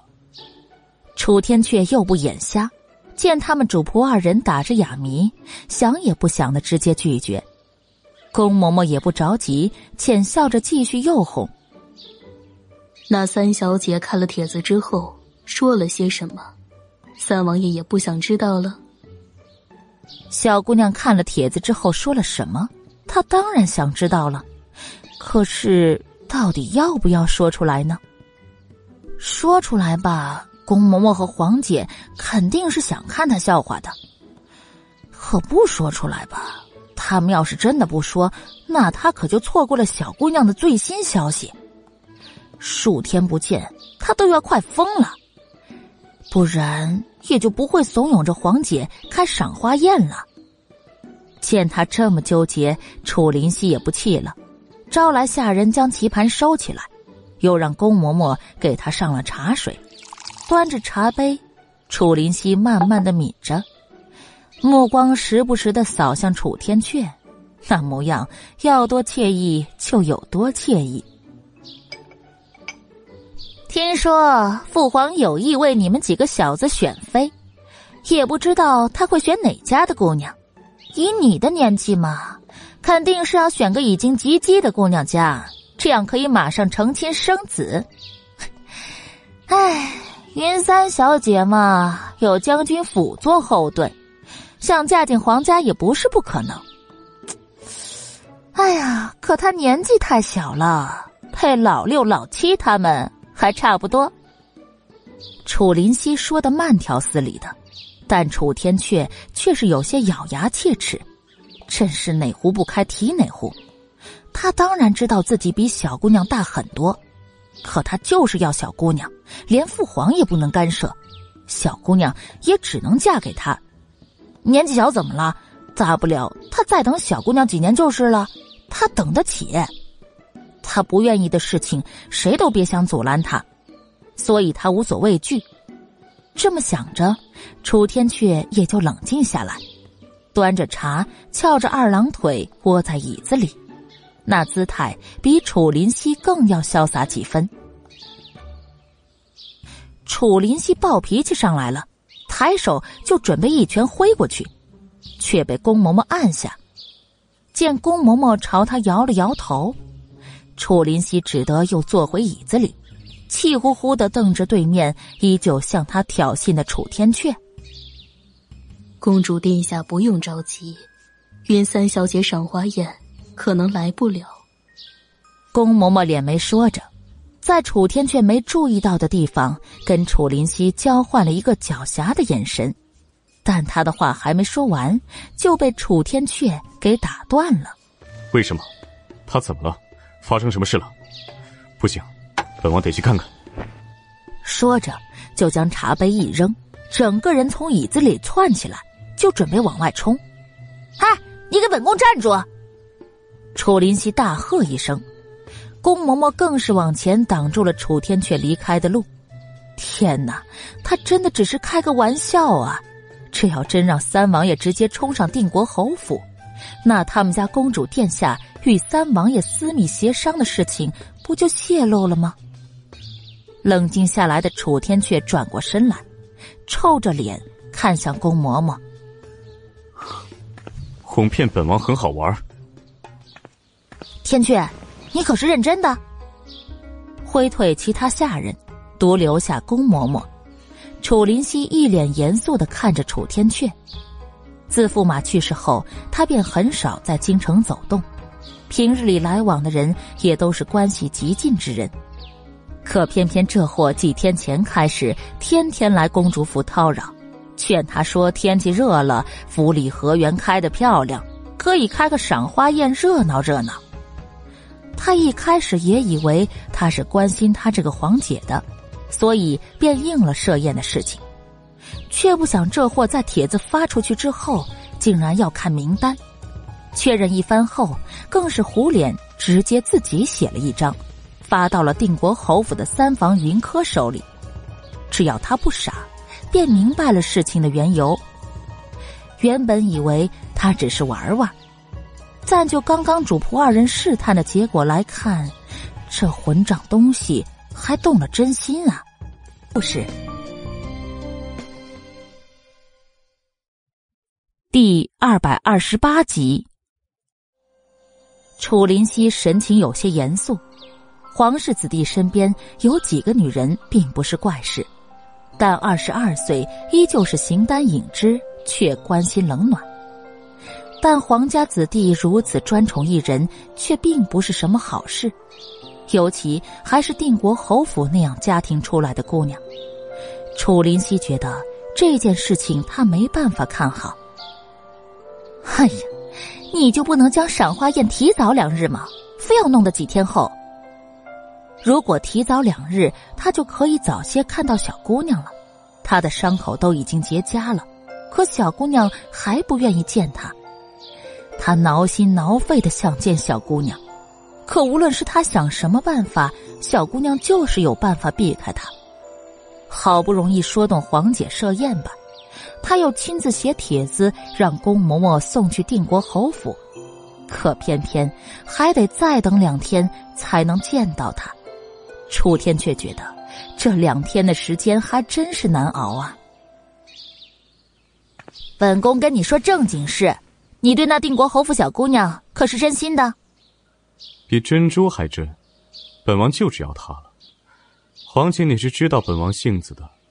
如果让本王知道你跟母妃联手，在本王不知道的时候做些小动作，让本王不能抱得美人归，那本王可是会翻脸的。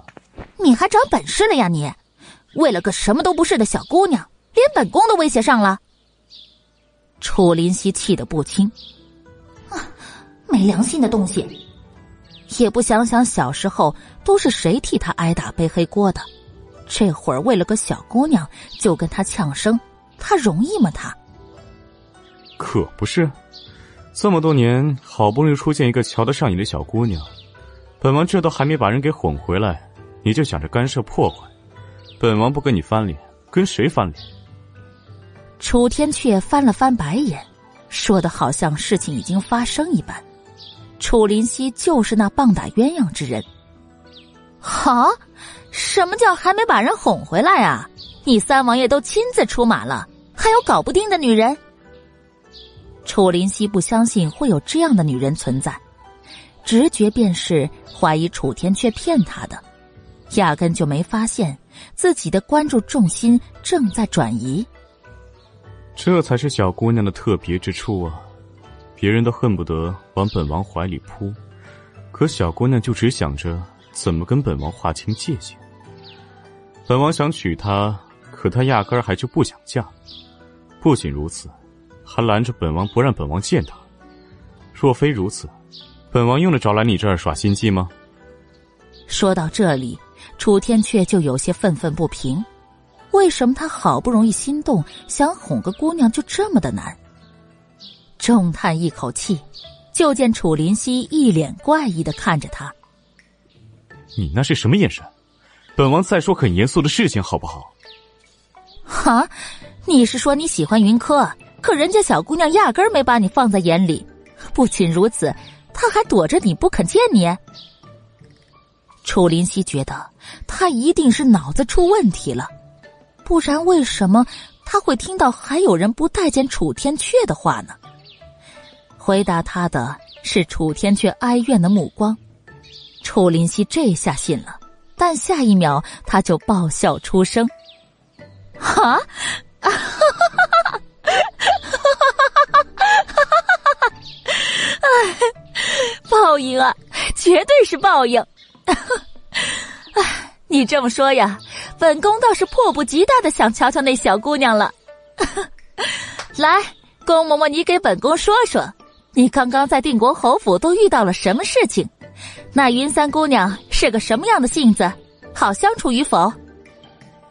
楚天却嘴角很抽，宫嬷嬷抿嘴偷笑，还真是难得见三王爷吃瘪呢。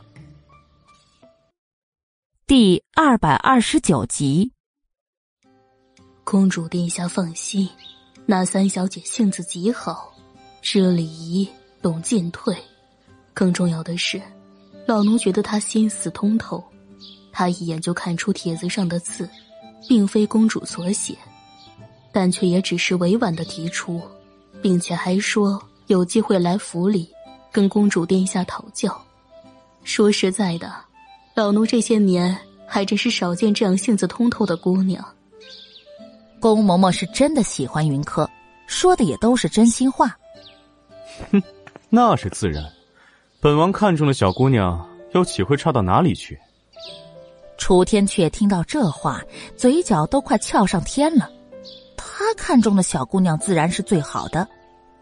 楚林夕见不得他那模样，翻了个白眼，示意宫嬷嬷继续说：“只是小姑娘也是个可怜的。”生母早逝，亲爹据说是个拎不清的，小小年纪便要被人算计。今日当着老奴的面，那大房的姑娘都敢埋汰三小姐。想来啊，平日里三小姐的日子也不太好过。可恶，是本王对他们太过仁慈了吗？哼！听到小姑娘被欺负。楚天却哪里还坐得住，当即便想直接去定国侯府替小姑娘撑腰，却被楚林溪给瞪住。哎哎，你给本宫坐下！你若真心想要云三姑娘，就要替她的名声考虑。你这样直愣愣的冲去定国侯府，是想昭告天下你对她的惦记？昭告天下又如何？本王的女人，就是不许任何人觊觎。楚天却臭着脸，他恨不得所有人都知道小姑娘是他看中的人，不允许任何人招惹。如果本宫没记错的话，武阳那丫头自小就嚷着非你不嫁，父皇也有意让你娶她。你确定你这样轻易将你的小姑娘曝光在了整个洛王府眼前，是真的在对她好吗？待儿子独居多年，楚林夕比任何人都明白这世道对女子的不公。他跟楚天阙姐弟情深，希望她好，明白他不会轻易动心的性子，也相信他对定国侯府那小姑娘是真的有意。这样的情况下，他自是希望他们将来能好好的。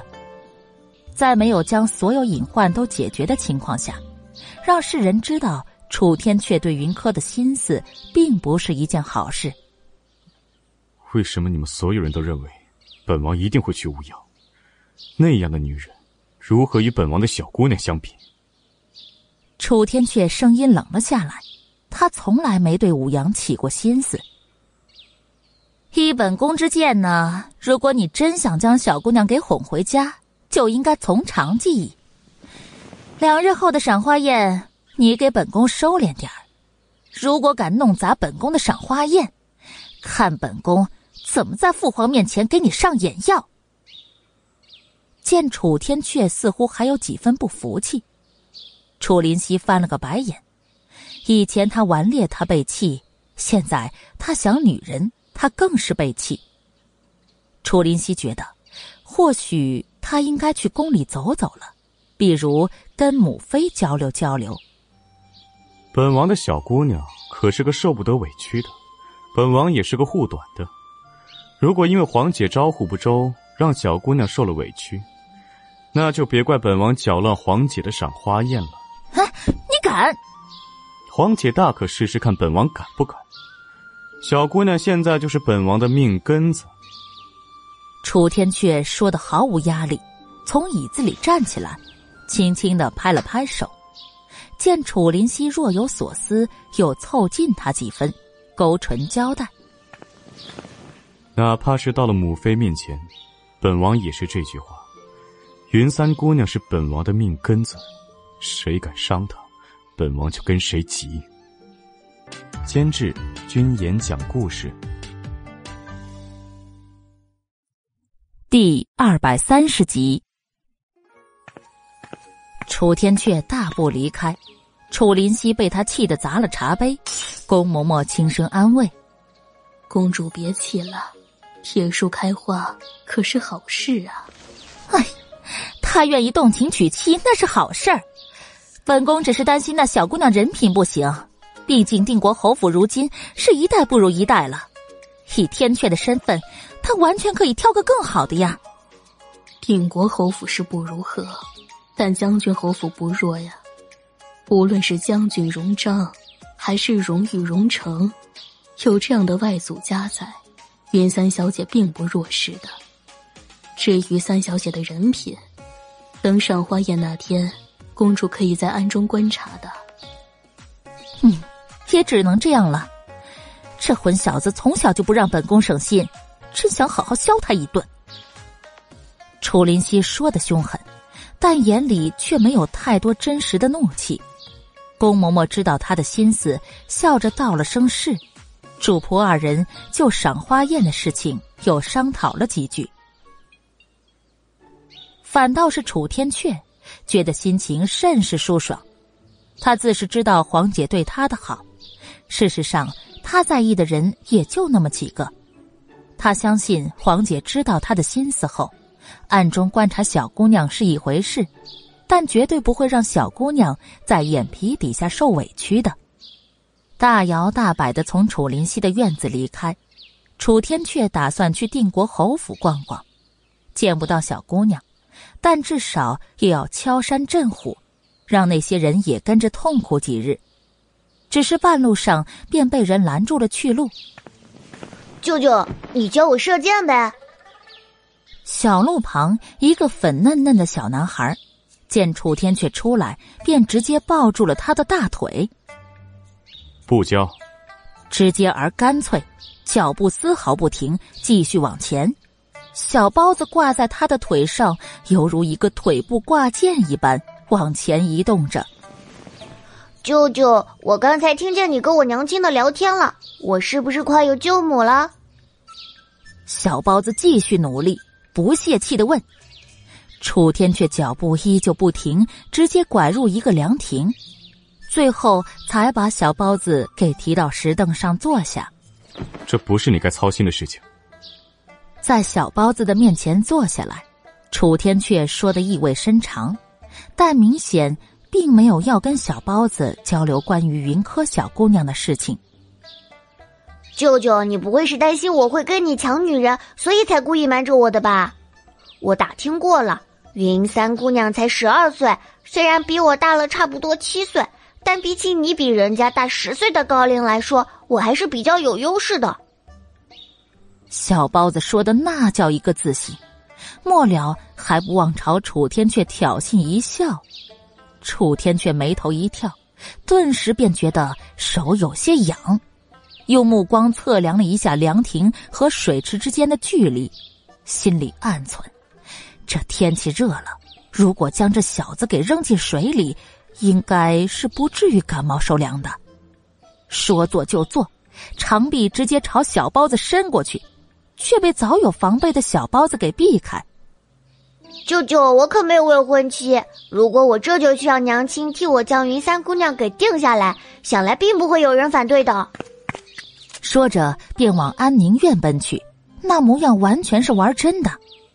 楚天却这下手更痒了，直接大步上前，拎起小包子的衣领，便直接将人甩进了不远处的池塘。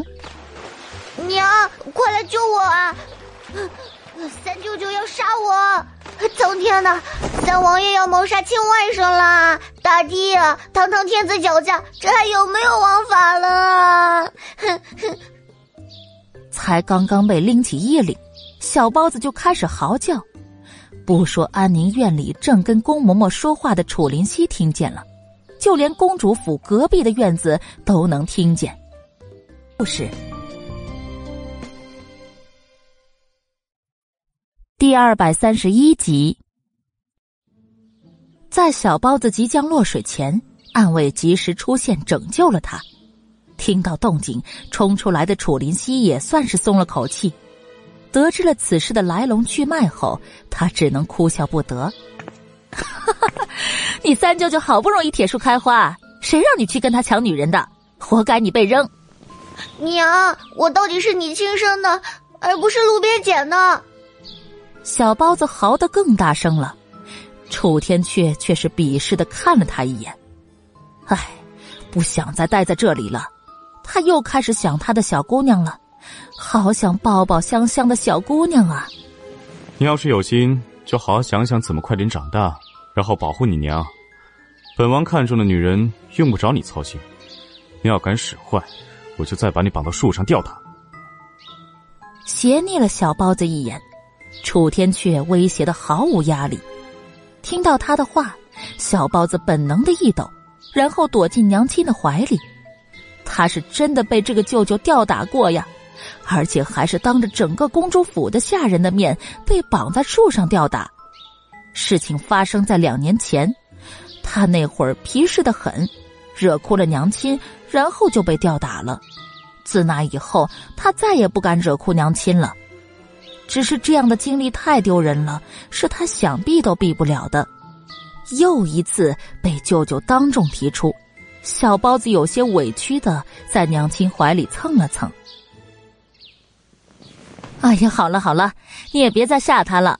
本宫让宫嬷嬷去准备午饭了，你用了饭再走吧。云三小姐那里，你既然都撂下话了，本宫自不会委屈了她。这话是对楚天阙说的。既是对儿子的维护，也是向楚天阙表明他不会私下为难云柯。相反，他极有可能会在必要时刻替云柯撑腰。对于这样的一个答案，楚天阙极为满意，扫了小包子一眼，然后轻哼一声，往饭厅走去。见他离开，小包子才放松下来。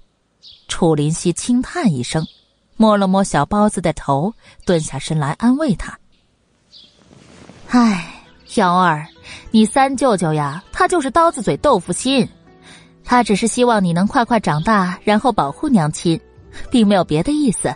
你可不能怪他，明白吗？褪去调皮，小包子莫瑶绷着脸点了点头，懂事的替娘亲将碎发挽至耳后。娘亲，你不说我也明白的。只有我强大起来，他们那些人才不敢欺负你。我知道三舅舅都是为我好，也明白整个皇室就只有三舅舅和德祖母对我们最好。娘亲，你放心，我会变得更厉害的。你能这么想啊，娘亲便已知足了。楚林溪摸着孩子的头，泪水已经布满整张脸。世人只知她长公主风光无限，但却不明白他双十年华独自带着质子要承受多大的压力。如孩子所说，身边也就只有天阙和德母妃关注他们母子了。娘亲，三舅舅看中的那个云三小姐。她会喜欢我们吗？孩子早熟，听到了娘亲和舅舅的谈话，明白舅舅对云柯的看重，生怕舅舅将来有了妻儿会冷待他们母子。楚林熙一愣，他没想过这个问题，低头见儿子一脸的忐忑，顿时有些心酸。但这个问题他真的不好回答，他不是云柯，不知道云柯心里怎么想的。再有，云柯是不是真心喜欢瑶儿，得经过相处才知道。幺，儿，你要相信你舅舅的眼光。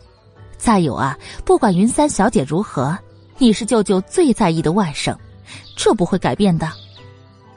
莫瑶没说话，微低着头，让人不知道他在思考什么。第二百三十二集，定国侯府。老夫人知道云柯也要去参加长公主的赏荷宴，心里很是惊讶。但随后张嬷嬷提醒，当年长公主与荣府三小姐有过情谊，老夫人也就明白了几分，并没有和李氏母女所希望那般，阻止云柯去长公主府，反倒是叮嘱李氏给锦院送去应有的衣料和头面。李氏气得砸了一套上好的茶具，也不能改变这么一个事实，最后只得将希望寄托在云芝的身上，希望她能在长公主的赏荷宴上表现出众，引起长公主的注意，为自己的名声锦上添花。对于这些，云柯都知道，但他并不在意。时间就这么到了宴会的当天。云朵早早的来了锦院，整个人都兴奋不已。三姐姐，我这样可妥当？我还从来没有参加过这样的宴会呢，我我好紧张啊！实在不行，我就不去了吧。我姨娘也说我性子野，怕给你添麻烦呢。云朵自知自己的身份，对于长公主这样的宴会，她不敢奢望。但三姐姐却是让她准备好一起赴宴，这让他感动之余，也担心自己会给三姐姐惹麻烦。无碍，到时候你仔细跟着我便是。你过年变十一了，也该出来走动走动。三房无主母，我们姐妹理应相互扶持。他好歹还有个外祖家可以依仗，云朵的婚事却只能依仗定国侯府。但就侯府和三房目前的这个情况，他并不觉得云朵日后会有选择的余地。他喜欢云朵的性子，也知道前世云朵嫁的并不好，所以这事才想从一开始就帮衬他，让他多一些可以选择的机会。三姐姐，谢谢你。云朵眼眶有些湿润，姨娘说的没错，三姐姐就是他们母女的贵人。不但救命，而且还让他们以后生活无忧。他一定要听三姐姐的话，在三姐姐需要的时候给她必须的帮助。嗯，我们走吧。云柯浅笑，他帮云朵并不图他的回报，只是单纯的希望她过得好。长公主的宴会纵然会有不可预知的危险。但对于养在深闺的女子们来说，却是极好的一次见识和交友的机会。这样的机会，云朵极其需要。云朵吸吸鼻子，跟在云柯的身后，跟韩秋、韩月一起往外走。大门口空荡荡的，并无马车的影子。云柯似笑非笑的看着门口有些踌躇不安的王总管，不知王总管应该给我一个什么样的解释呢？虽是极淡的语气。但云柯清冷至极的目光，却让王总管紧张的直冒虚汗。他见这位三小姐的机会不多，但此时却有种无所遁形的感觉，出口的话结结巴巴的，有些不成形。三三小姐原本是准备了两辆马车，但是侯爷今日恰巧要用马车，所以便准备让二位小姐同乘一辆。啊。那想必是马车尚未准备好，大姐姐还在山水院吗？韩秋，去一趟山水院催催大姐姐，长公主设宴可不能迟到啊！是，奴婢马上去。三三三小姐，马车早已备好，呃，夫人和大小姐也早就出发了。王总管这下结巴的更厉害了，哪里是他马车没备好啊，而是大小姐早就让马车提前出发了。监制：君言讲故事，第二百三十三集。云柯轻哼一声，很显然对王总管的回答很不满意。见王总管不停的擦汗，韩秋往他面前一站：“王总管，我们家小姐将大小姐视若亲姐，这才辰时三刻。”大小姐就让马车提前出发，你这不是在污蔑大小姐不顾姐妹情谊，置我们小姐于不顾吗？简单的几句话，便直接给云芝安上了不顾姐妹情谊，置三小姐于不顾的位置。王总管在心里感叹：三小姐身边的丫头一个个的都这么的厉害，更别说三小姐本人了。他有些后悔，刚刚怎么就没有拼死拦住大小姐的马车呢？面对大小姐的责骂，也要好过现在被三小姐用这样冰冷如刀的目光看着呀。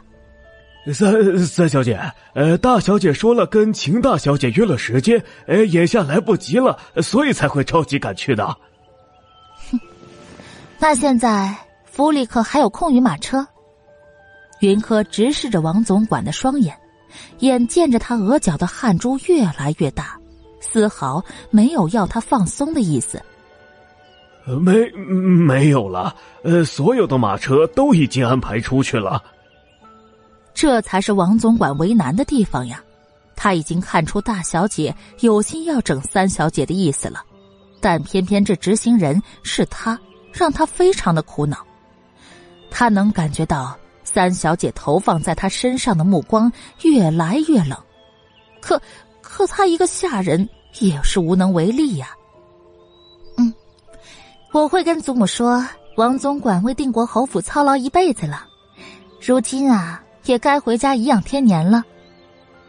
呃，三小姐恕罪，呃，老奴，老奴，呃，求三小姐饶恕呀。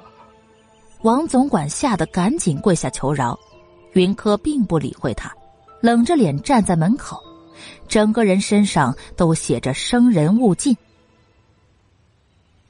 小姐，奴婢这就回三房，让青松去安排。韩秋心里也不好受，大房母女二人欺人太甚，让他们小姐受如此侮辱，真当他们小姐好欺负了不是？云柯点点头，这也算是唯一的一个办法了。这时，马蹄声响起，韩秋离开的步子稍滞，云柯抬头，远远的便看到了两道熟悉的身影。韩秋，不用回三房了，将军府来人了。将军府来人了，而且来的还是荣成和荣琪兄弟两个。柯儿，你怎么知道我们要来接你一起去将军府啊？荣琪翻身下马。笑嘻嘻的走到云柯的面前，韩月嘴快，狠狠的瞪了一眼王总管，便开始告状：“二少爷，他们太可恶了！明知道今日小姐要去长公主府赴宴，误以各种理由将小姐留在这里。什么？他们好大的胆子！我现在就去跟老夫人理论理论。我们将军府的姑娘，怎能如此被人欺？荣琪卷起袖子就要冲进侯府里找老夫人理论，那模样气势汹汹，让人胆怯。七哥，这件事情等我们从长公主府回来后禀报给祖父再做打算。现在先接科尔去长公主府。荣成出声制止了荣琪的行为。他们这样进去质问老夫人，不但不能将事情解决，还只会被人安上不敬皇室、不尊老的罪名。但科尔受的委屈也不能不管，将事情禀报给祖父，以祖父对科尔的在意，自然会有所举措。祖父久在朝堂浸淫，处事自是比他们更圆滑，也更有效。好，科尔，你上来。我们可是特意绕路过来接你的，你别怕。定国侯府对你不好，你还有我们。回头让祖母给洛阳郡主下帖子，你再去我们家住一阵子，哪怕是住到出阁都可以。荣家人护短是光明正大的，而洛老夫人向来好面子，她故意这样在定国侯府门口当着侯府总管的面撂下这样的话，话是肯定会传进洛老夫人耳朵里的。到时候洛老夫人怎么想，他就不管了。惹他家的科尔伤心的人，不好好惩治怎么行呢？不是。第二百三十四集，荣二少爷，呃，我们，我们，王总管自然是看明白了荣琪的打算，听到他故意说的那些话，更是吓得心肝颤。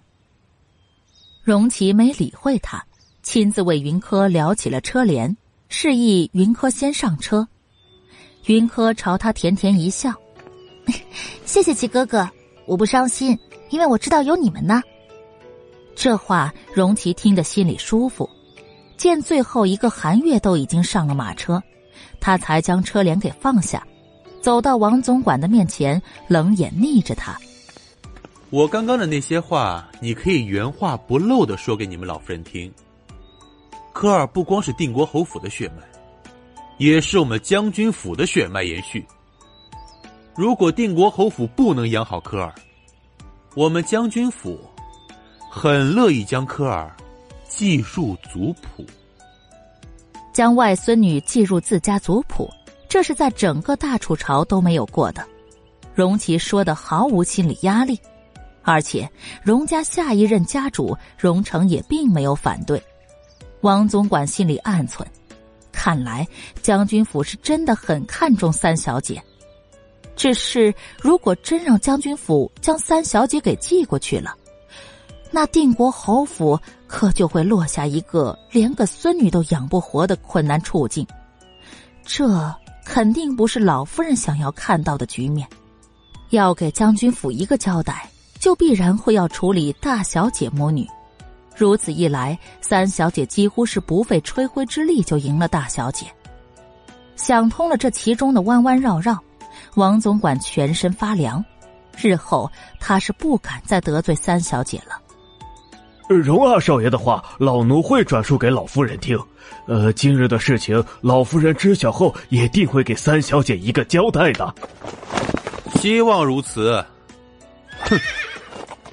对于王总管的示好，荣启有些不屑，翻身上马，与荣成交换了个眼神后，兄弟二人便一左一右护在马车两旁，朝长公主府赶去。马车里，云朵听着荣琪的话，满眼崇拜的看着云柯。三姐姐，荣家表哥对你可真好。这是纯粹的羡慕，不掺杂任何的嫉妒之意。小姑娘说的两眼闪光，云柯失笑。唉，我外祖父只生了我娘一个女儿，我娘早逝，我又自幼不在京城，他们自觉对我亏欠良多，所以才会一个劲的想要补偿于我。他们的好，我也都记在心里，定不会辜负了去。对我姨娘说：“滴水之恩，当涌泉相报。对你好的人，一定都是爱你的。”我要学会报答。你娘将你教育的很好。云柯感叹：同一个屋檐下生长的孩子，云朵比起被容巧教歪的云裳来说要好太多了。刘姨娘虽说出身不好，但对云朵不可谓不倾尽所有。这样的母爱很伟大，也让云柯很羡慕。嗯，我很爱我姨娘。等我以后有能力了，一定要好好的孝顺她。云朵笑嘻嘻的说着，眼里闪耀的光芒让云柯艳羡。子欲养而亲不待，在亲人都在、自己有能力的时候好好回报，这是人生幸事。前世他错过了，今生重来，这个机会他一样的拥有，所以他也会好好的守护外祖一家的。科儿，长公主膝下有一五岁孩子，一出生便被封了郡王。等入了公主府，若可以，你尽量避开吧。马车外，荣成沉稳的声音响起，说的有些一言难尽。云柯一愣，长公主家的郡王，脑子里并没有印象。但能让程格格交代避让的人，想来必有让人头疼之处吧。第二百三十五集，说到孩子，云柯不由得想起了自己前世也曾怀过一个孩子，一个在他肚子里只待了数月的孩子。前世楚天阙早早离世，但楚逸轩的皇位也是得来不易。他自幼跟在师傅身边学得占卜算卦之术，最后却是都用来帮助楚逸轩夺位了。孩子也是在那时候流掉的，孩子没了，他难过了好一阵。当时楚逸轩安慰他说：“他们以后会有更多的孩子的。”他傻傻的信了。楚逸轩没说错，他会有更多孩子，但却不再是他的孩子。想到那个孩子，云柯的手不由自主的摸上小腹。这一世，他还会有孩子吗？只属于他和他的孩子。三姐姐，你怎么了？没事吧？马车外，荣成和荣琪仍在叮嘱，可云柯思绪有些神游。云朵担心的晃了晃他的手臂，甩甩脑袋。云柯回过神来，朝云朵摇了摇头，示意自己没事。陈哥哥放心，我心里有数了，知道该怎么做的。程哥哥无非是担心那小郡王找他的麻烦给他难看，所以才会提前告知，让他尽可能的避让。这份好心，他当然是要收下的。见他无碍，荣成也就放下心来。长公主府建造的有些远离皇城，定国侯府却是离皇宫不远，所以马车行驶了不短的时间，才到达长公主府。长公主数年不曾与京城中人来往，如今设赏花宴，京城贵族均收到帖子，这可是极为难得的事情。所以今天长公主府门口摆满了各家的马车，公主府的下人都各自忙碌着。此时从马车上下来的公子小姐们集中在大门口，将手里的帖子递给公主府的下人，等待查验审核。通过了才能进府。人群外，荣成、荣琪并排到达。荣家人相貌都极为出众，荣成高洁儒雅，荣琪风流倜傥。兄弟两个一起从马上翻身下来，引起不少的喟叹声。哇，荣少卿今日可真是好看。我看荣二少才好看，那眼神简直让人欲罢不能啊！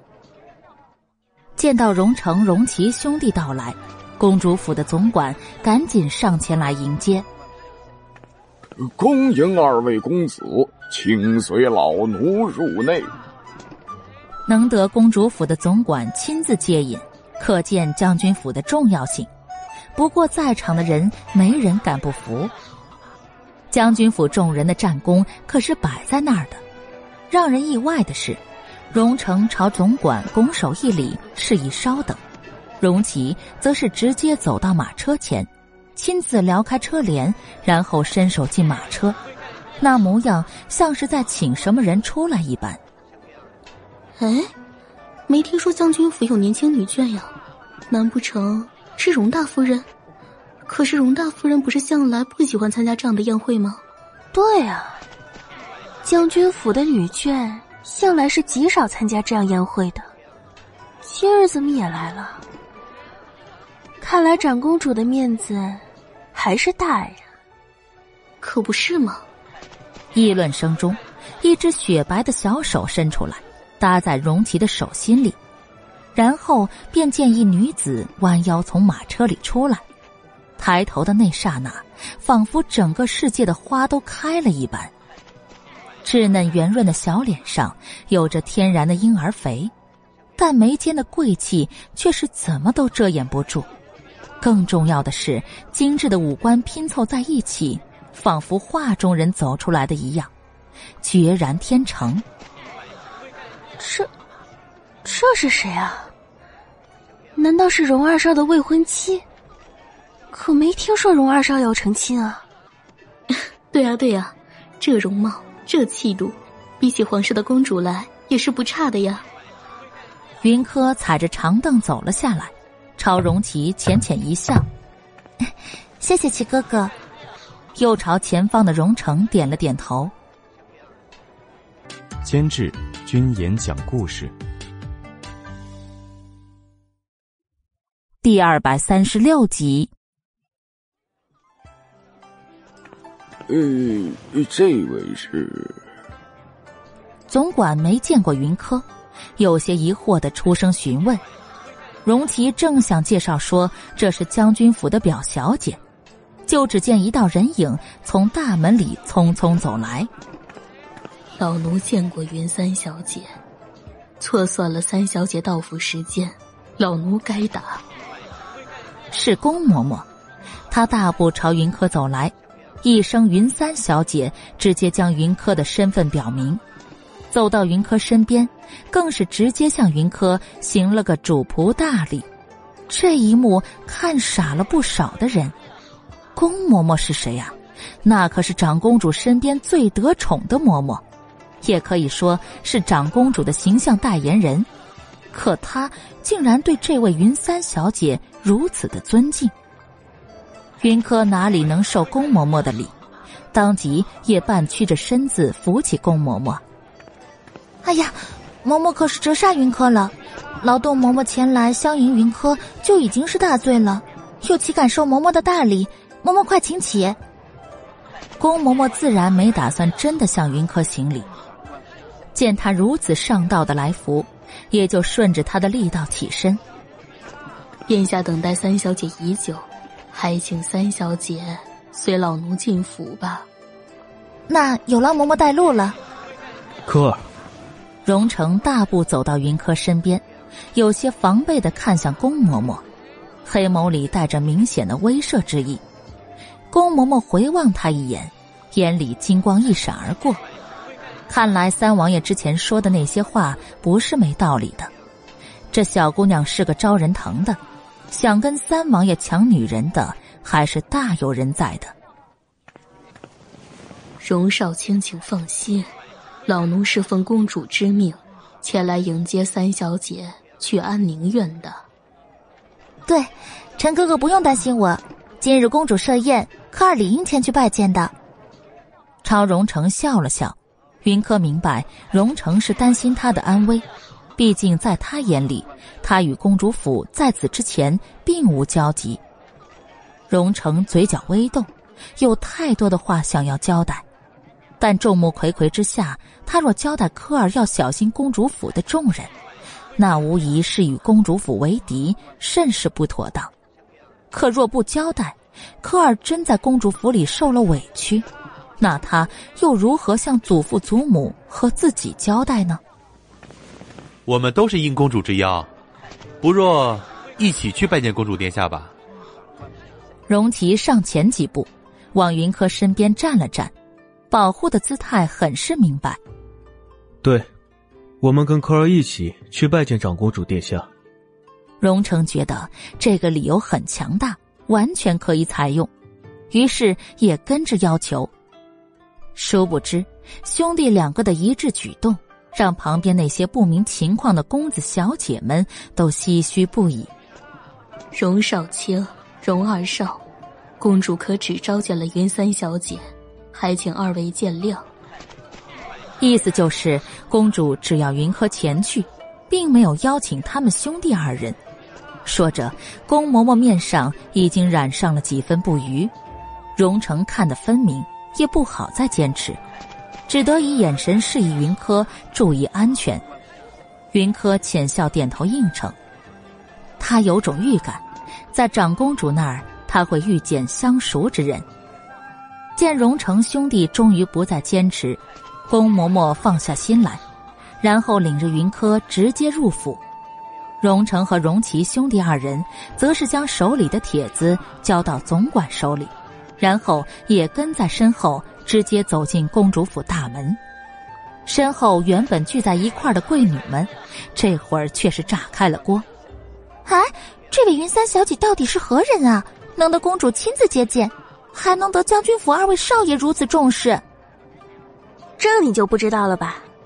说起这位云三小姐，那可是有说不完的故事啊。他娘。可是当年才情响彻京城的容黛，她也是自小投在蓝衣师傅名下，离京十年，前不久才回来。切，说这么好听做什么？不就是个娘死爹不在的可怜虫吗？也不知道用了什么法子，竟然攀上了长公主。哦，也不对，也有可能是他得罪了长公主，此番长公主宣他去是要去问罪的。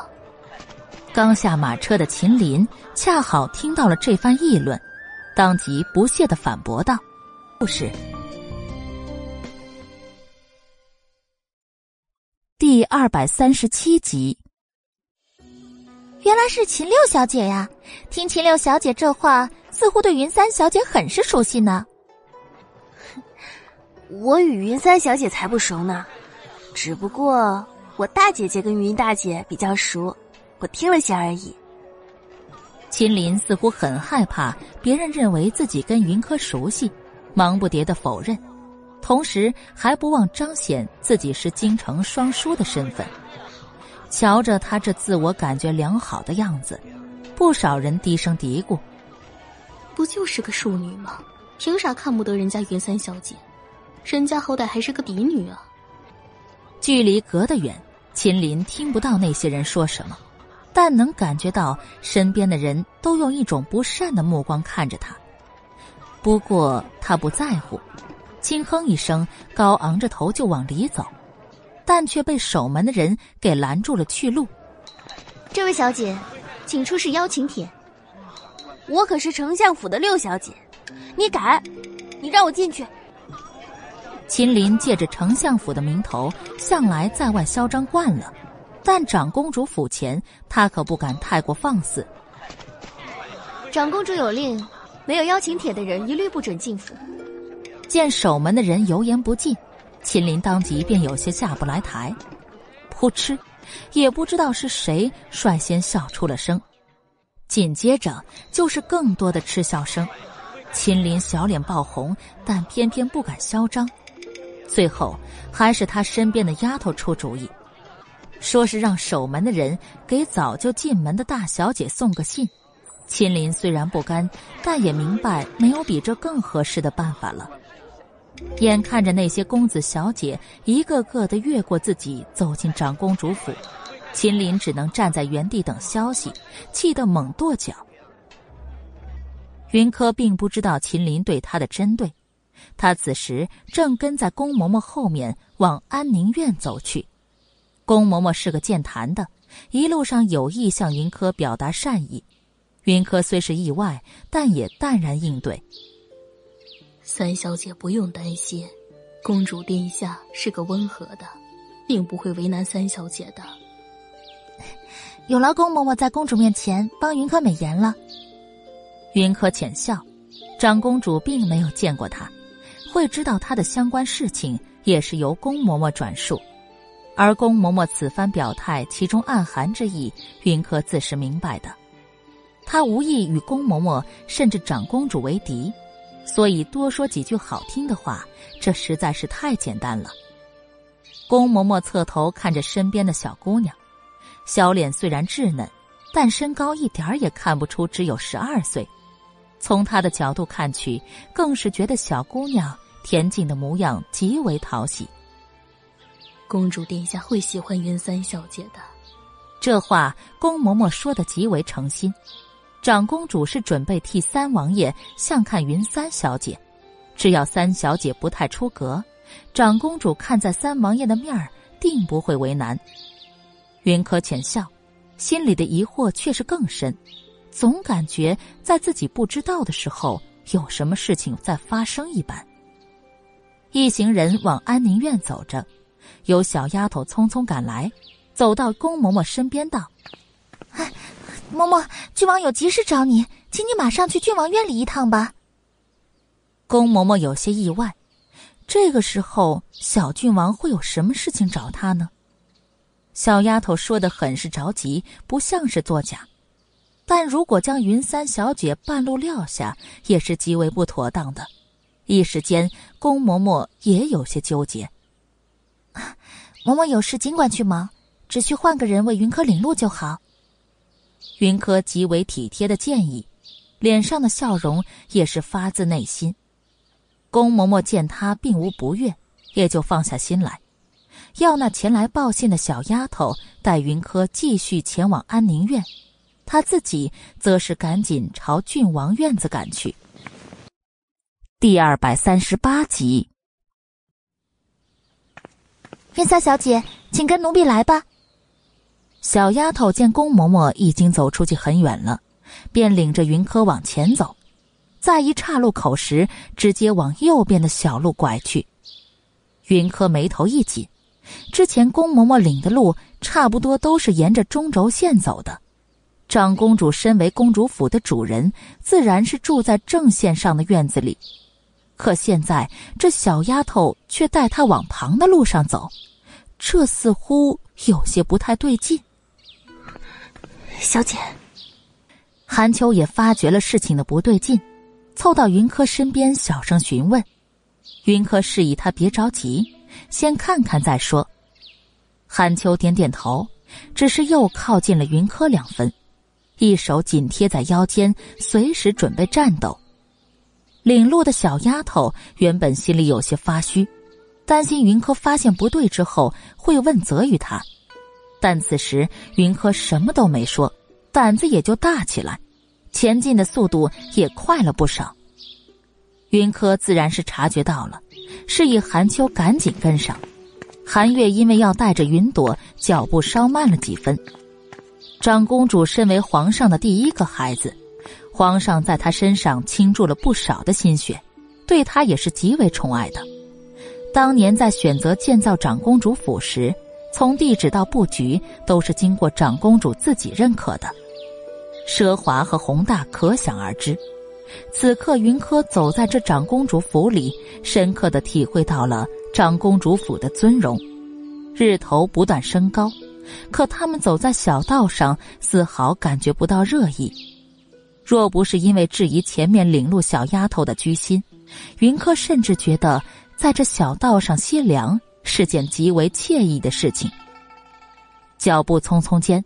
前头忽然传来一阵异样的声音，领头的小丫头突然顿住脚步声，小声嘀咕了一声：“哎呀，糟了！”然后便小跑起来，那模样似乎很着急。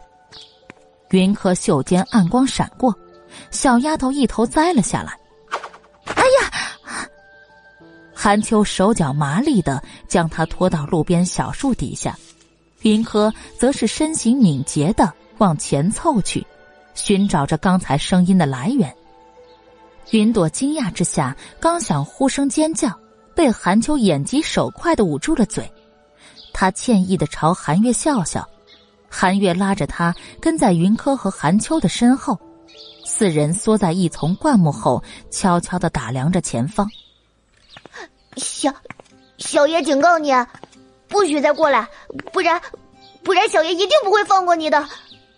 一个五六岁的小男孩有些慌张的不停往后退，在他面前有一黄衣少女甩着鞭子步步逼近。你要怎么不放过我呢？嗯？黄衣少女很显然并没有将小男孩的警告放在眼里，不但如此，她又逼近了两步，手里的鞭子甩在地上，发出极为响亮的声音。你敢在公主府里打我，我娘不会放过你的。哼，不会放过我，我只不过是在替长公主教训不听话的孩子而已。你在她的赏花宴上捉弄贵女，而我好心替她管教儿子。你说他还会怪我吗？不，你娘不会怪我，你娘只会感谢我。毕竟你的顽劣可是众所周知的。小姐，他就是。这边韩月诧异，云柯轻点头，看来不远处的小男孩就是长公主的儿子莫瑶小郡王了。只是刚刚那领路的小丫头，不是说小郡王找宫嬷嬷有事吗？为何又会被困在这里？而且这女子说，小郡王准备在赏花宴上捉弄贵女。云柯脸眉深思，莫不是这小郡王原本要捉弄的人是他云柯，却被这黄衣少女撞破揭穿，然后反过来威胁小郡王？那么这黄衣少女又是谁呢？不为小郡王的身份，敢在长公主府如此的嚣张？还敢说出管教郡王这样的话来，这样的身份肯定非富即贵。再结合他的年纪，他的身份似乎呼之欲出了。这么想着，云柯眉头皱。监制：君言讲故事。第二百三十九集，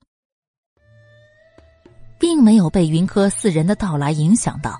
那黄衣少女继续往前走，莫瑶短暂的慌乱后也就冷静下来。说吧，你这么针对我，到底是想从我这得到什么？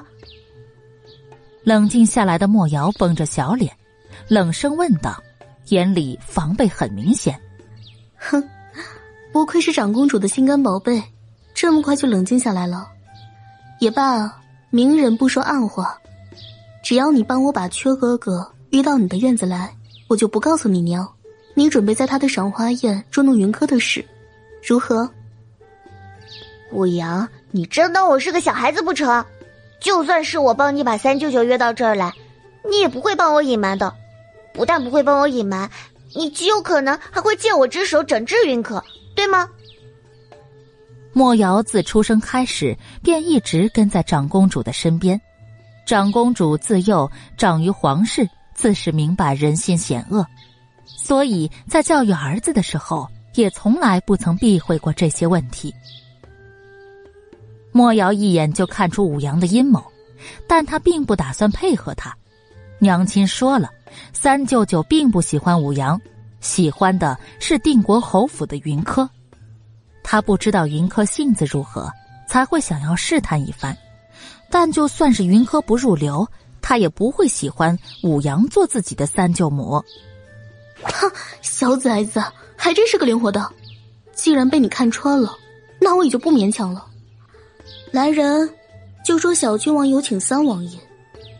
黄衣少女，也就是武阳郡主，找来一丫头，吩咐道：“见小丫头离开，他又朝莫瑶走近两步。你说，等你三舅舅来了。”亲眼看到我将你从这水中救出来，会不会因此感激于我呢？到时候我可就是你们长公主府的救命恩人，我爹再去皇上面前解说一番，求个婚什么的，水到渠成的，对吗？你休想！我是不可能让你得意的。我虽然不知道云柯如何，但我就算是死，我也不会让你嫁给三舅舅的。你这样的蛇蝎女人，就该下十八层地狱。莫瑶没想到武阳会直接将自己的阴谋和打算直接说出来告诉他，顿时有些心慌。为了不让娘亲发现他私下见云柯，他特意将身边人都给留在瑶院的正门了。这会儿侧院这边一个人都没有。哼，我会不会下十八层地狱我不知道，但我知道你的生死都掌握在我的手里。你也不用想着会有人来救你，你院里的人我都替你看起来了。你现在就只有两条路可以走，要么撮合我和缺哥哥，要么就被我扔进水里昏迷个十天半个月。等我和缺哥哥的婚事定下来，能不能醒过来，就看你自己的本事了。乌阳郡主的鞭子再一次甩在地面上，沉闷的响声让莫瑶心惊肉跳。他朝后看了一眼，不远处便是池塘，池塘里栽种了品种极为稀有的荷花。这些荷花是他央求娘亲替他种下的，真让他被人发现在这池塘里，也不会产生太大的疑惑。看来武阳是真的有备而来。论武功，他肯定是敌不过武阳的。而且武阳既然安排这些，肯定就还有后招。这一刻，莫瑶是真的后悔了。早知道他就老实待在安宁院里了。等云柯来的时候打量几下就好，为什么非要弄出这么一出来呢？吴阳，我娘不会放过你的，还有皇祖父、德祖母，他们都不会放过你的。终究是个孩子，想明白了可能有的后果。莫瑶声音里带着明显的诧异，可他并不想在武阳面前表现出害怕，拼命的咬着牙。不是。第二百四十集。小崽子，看来你并没有将我刚刚的话听在耳朵里啊！你说的那种情况不会发生，你娘和皇上德妃只会知道我武阳郡主为了救落水的莫小郡主，连命都快豁出去了，可小郡主还是因为在水里泡太久，陷入昏迷，性命垂危。武阳轻喝一声，走上前来，一把拎起莫瑶，便往池塘边走去。满池的荷花成长的极为茂盛，真要阉个把孩子，并不能在第一时间里引来救援。哼，莫瑶，我再问你一次，你到底要如何选择？只要你同意撮合我和雀哥哥，我可以立马放你回去。武阳依旧有些不死心，揪住莫瑶的衣领，故意晃了晃，引起莫瑶更大的恐慌。但让他意外的是，莫瑶哪怕是害怕的都闭上眼睛了，嘴里却依旧非常执拗。吴阳，哪怕我真的会昏迷不醒，我也不会害三舅舅的。你这样的蛇蝎女人，根本就配不上三舅舅，也难怪三舅舅一直都不愿意娶你。哼，敬酒不吃偏要吃罚酒，那就怪不得我了。武阳被他气得不轻，黑着脸就把莫瑶扔往池塘中央。你就是配不上我三舅舅，那云可比你好上千百倍。半空中被扔出去的莫瑶依旧在逞着口舌之快，气得武阳将鞭子直接甩上他，眼看着那鞭子就要抽到那不断下落的身影，一道浅紫色身影从树丛中窜出，匕首带着内力而出，武阳的鞭子。被斩成两段，内力冲进，他的身子下降的更快了，在即将掉入水中时，被他给拉进怀里，然后踏着荷叶朝岸边飞奔而来。武阳没想到会半路上杀出这么一个程咬金来，抽回鞭子，发现鞭子被斩的只剩小半截，顿时便怒不可遏，按住鞭子手柄上的机关。鞭子立马变成一把可伸缩的长剑来，咬牙怒骂一声：“找死！”武阳挥剑朝即将靠岸的两个人刺去。云柯内力不错，但五岁的莫瑶很结实，云柯抱着他并不轻松，脚下并无可踩踏之物。武阳的软剑又是迎面而来，意在置他们二人于死地。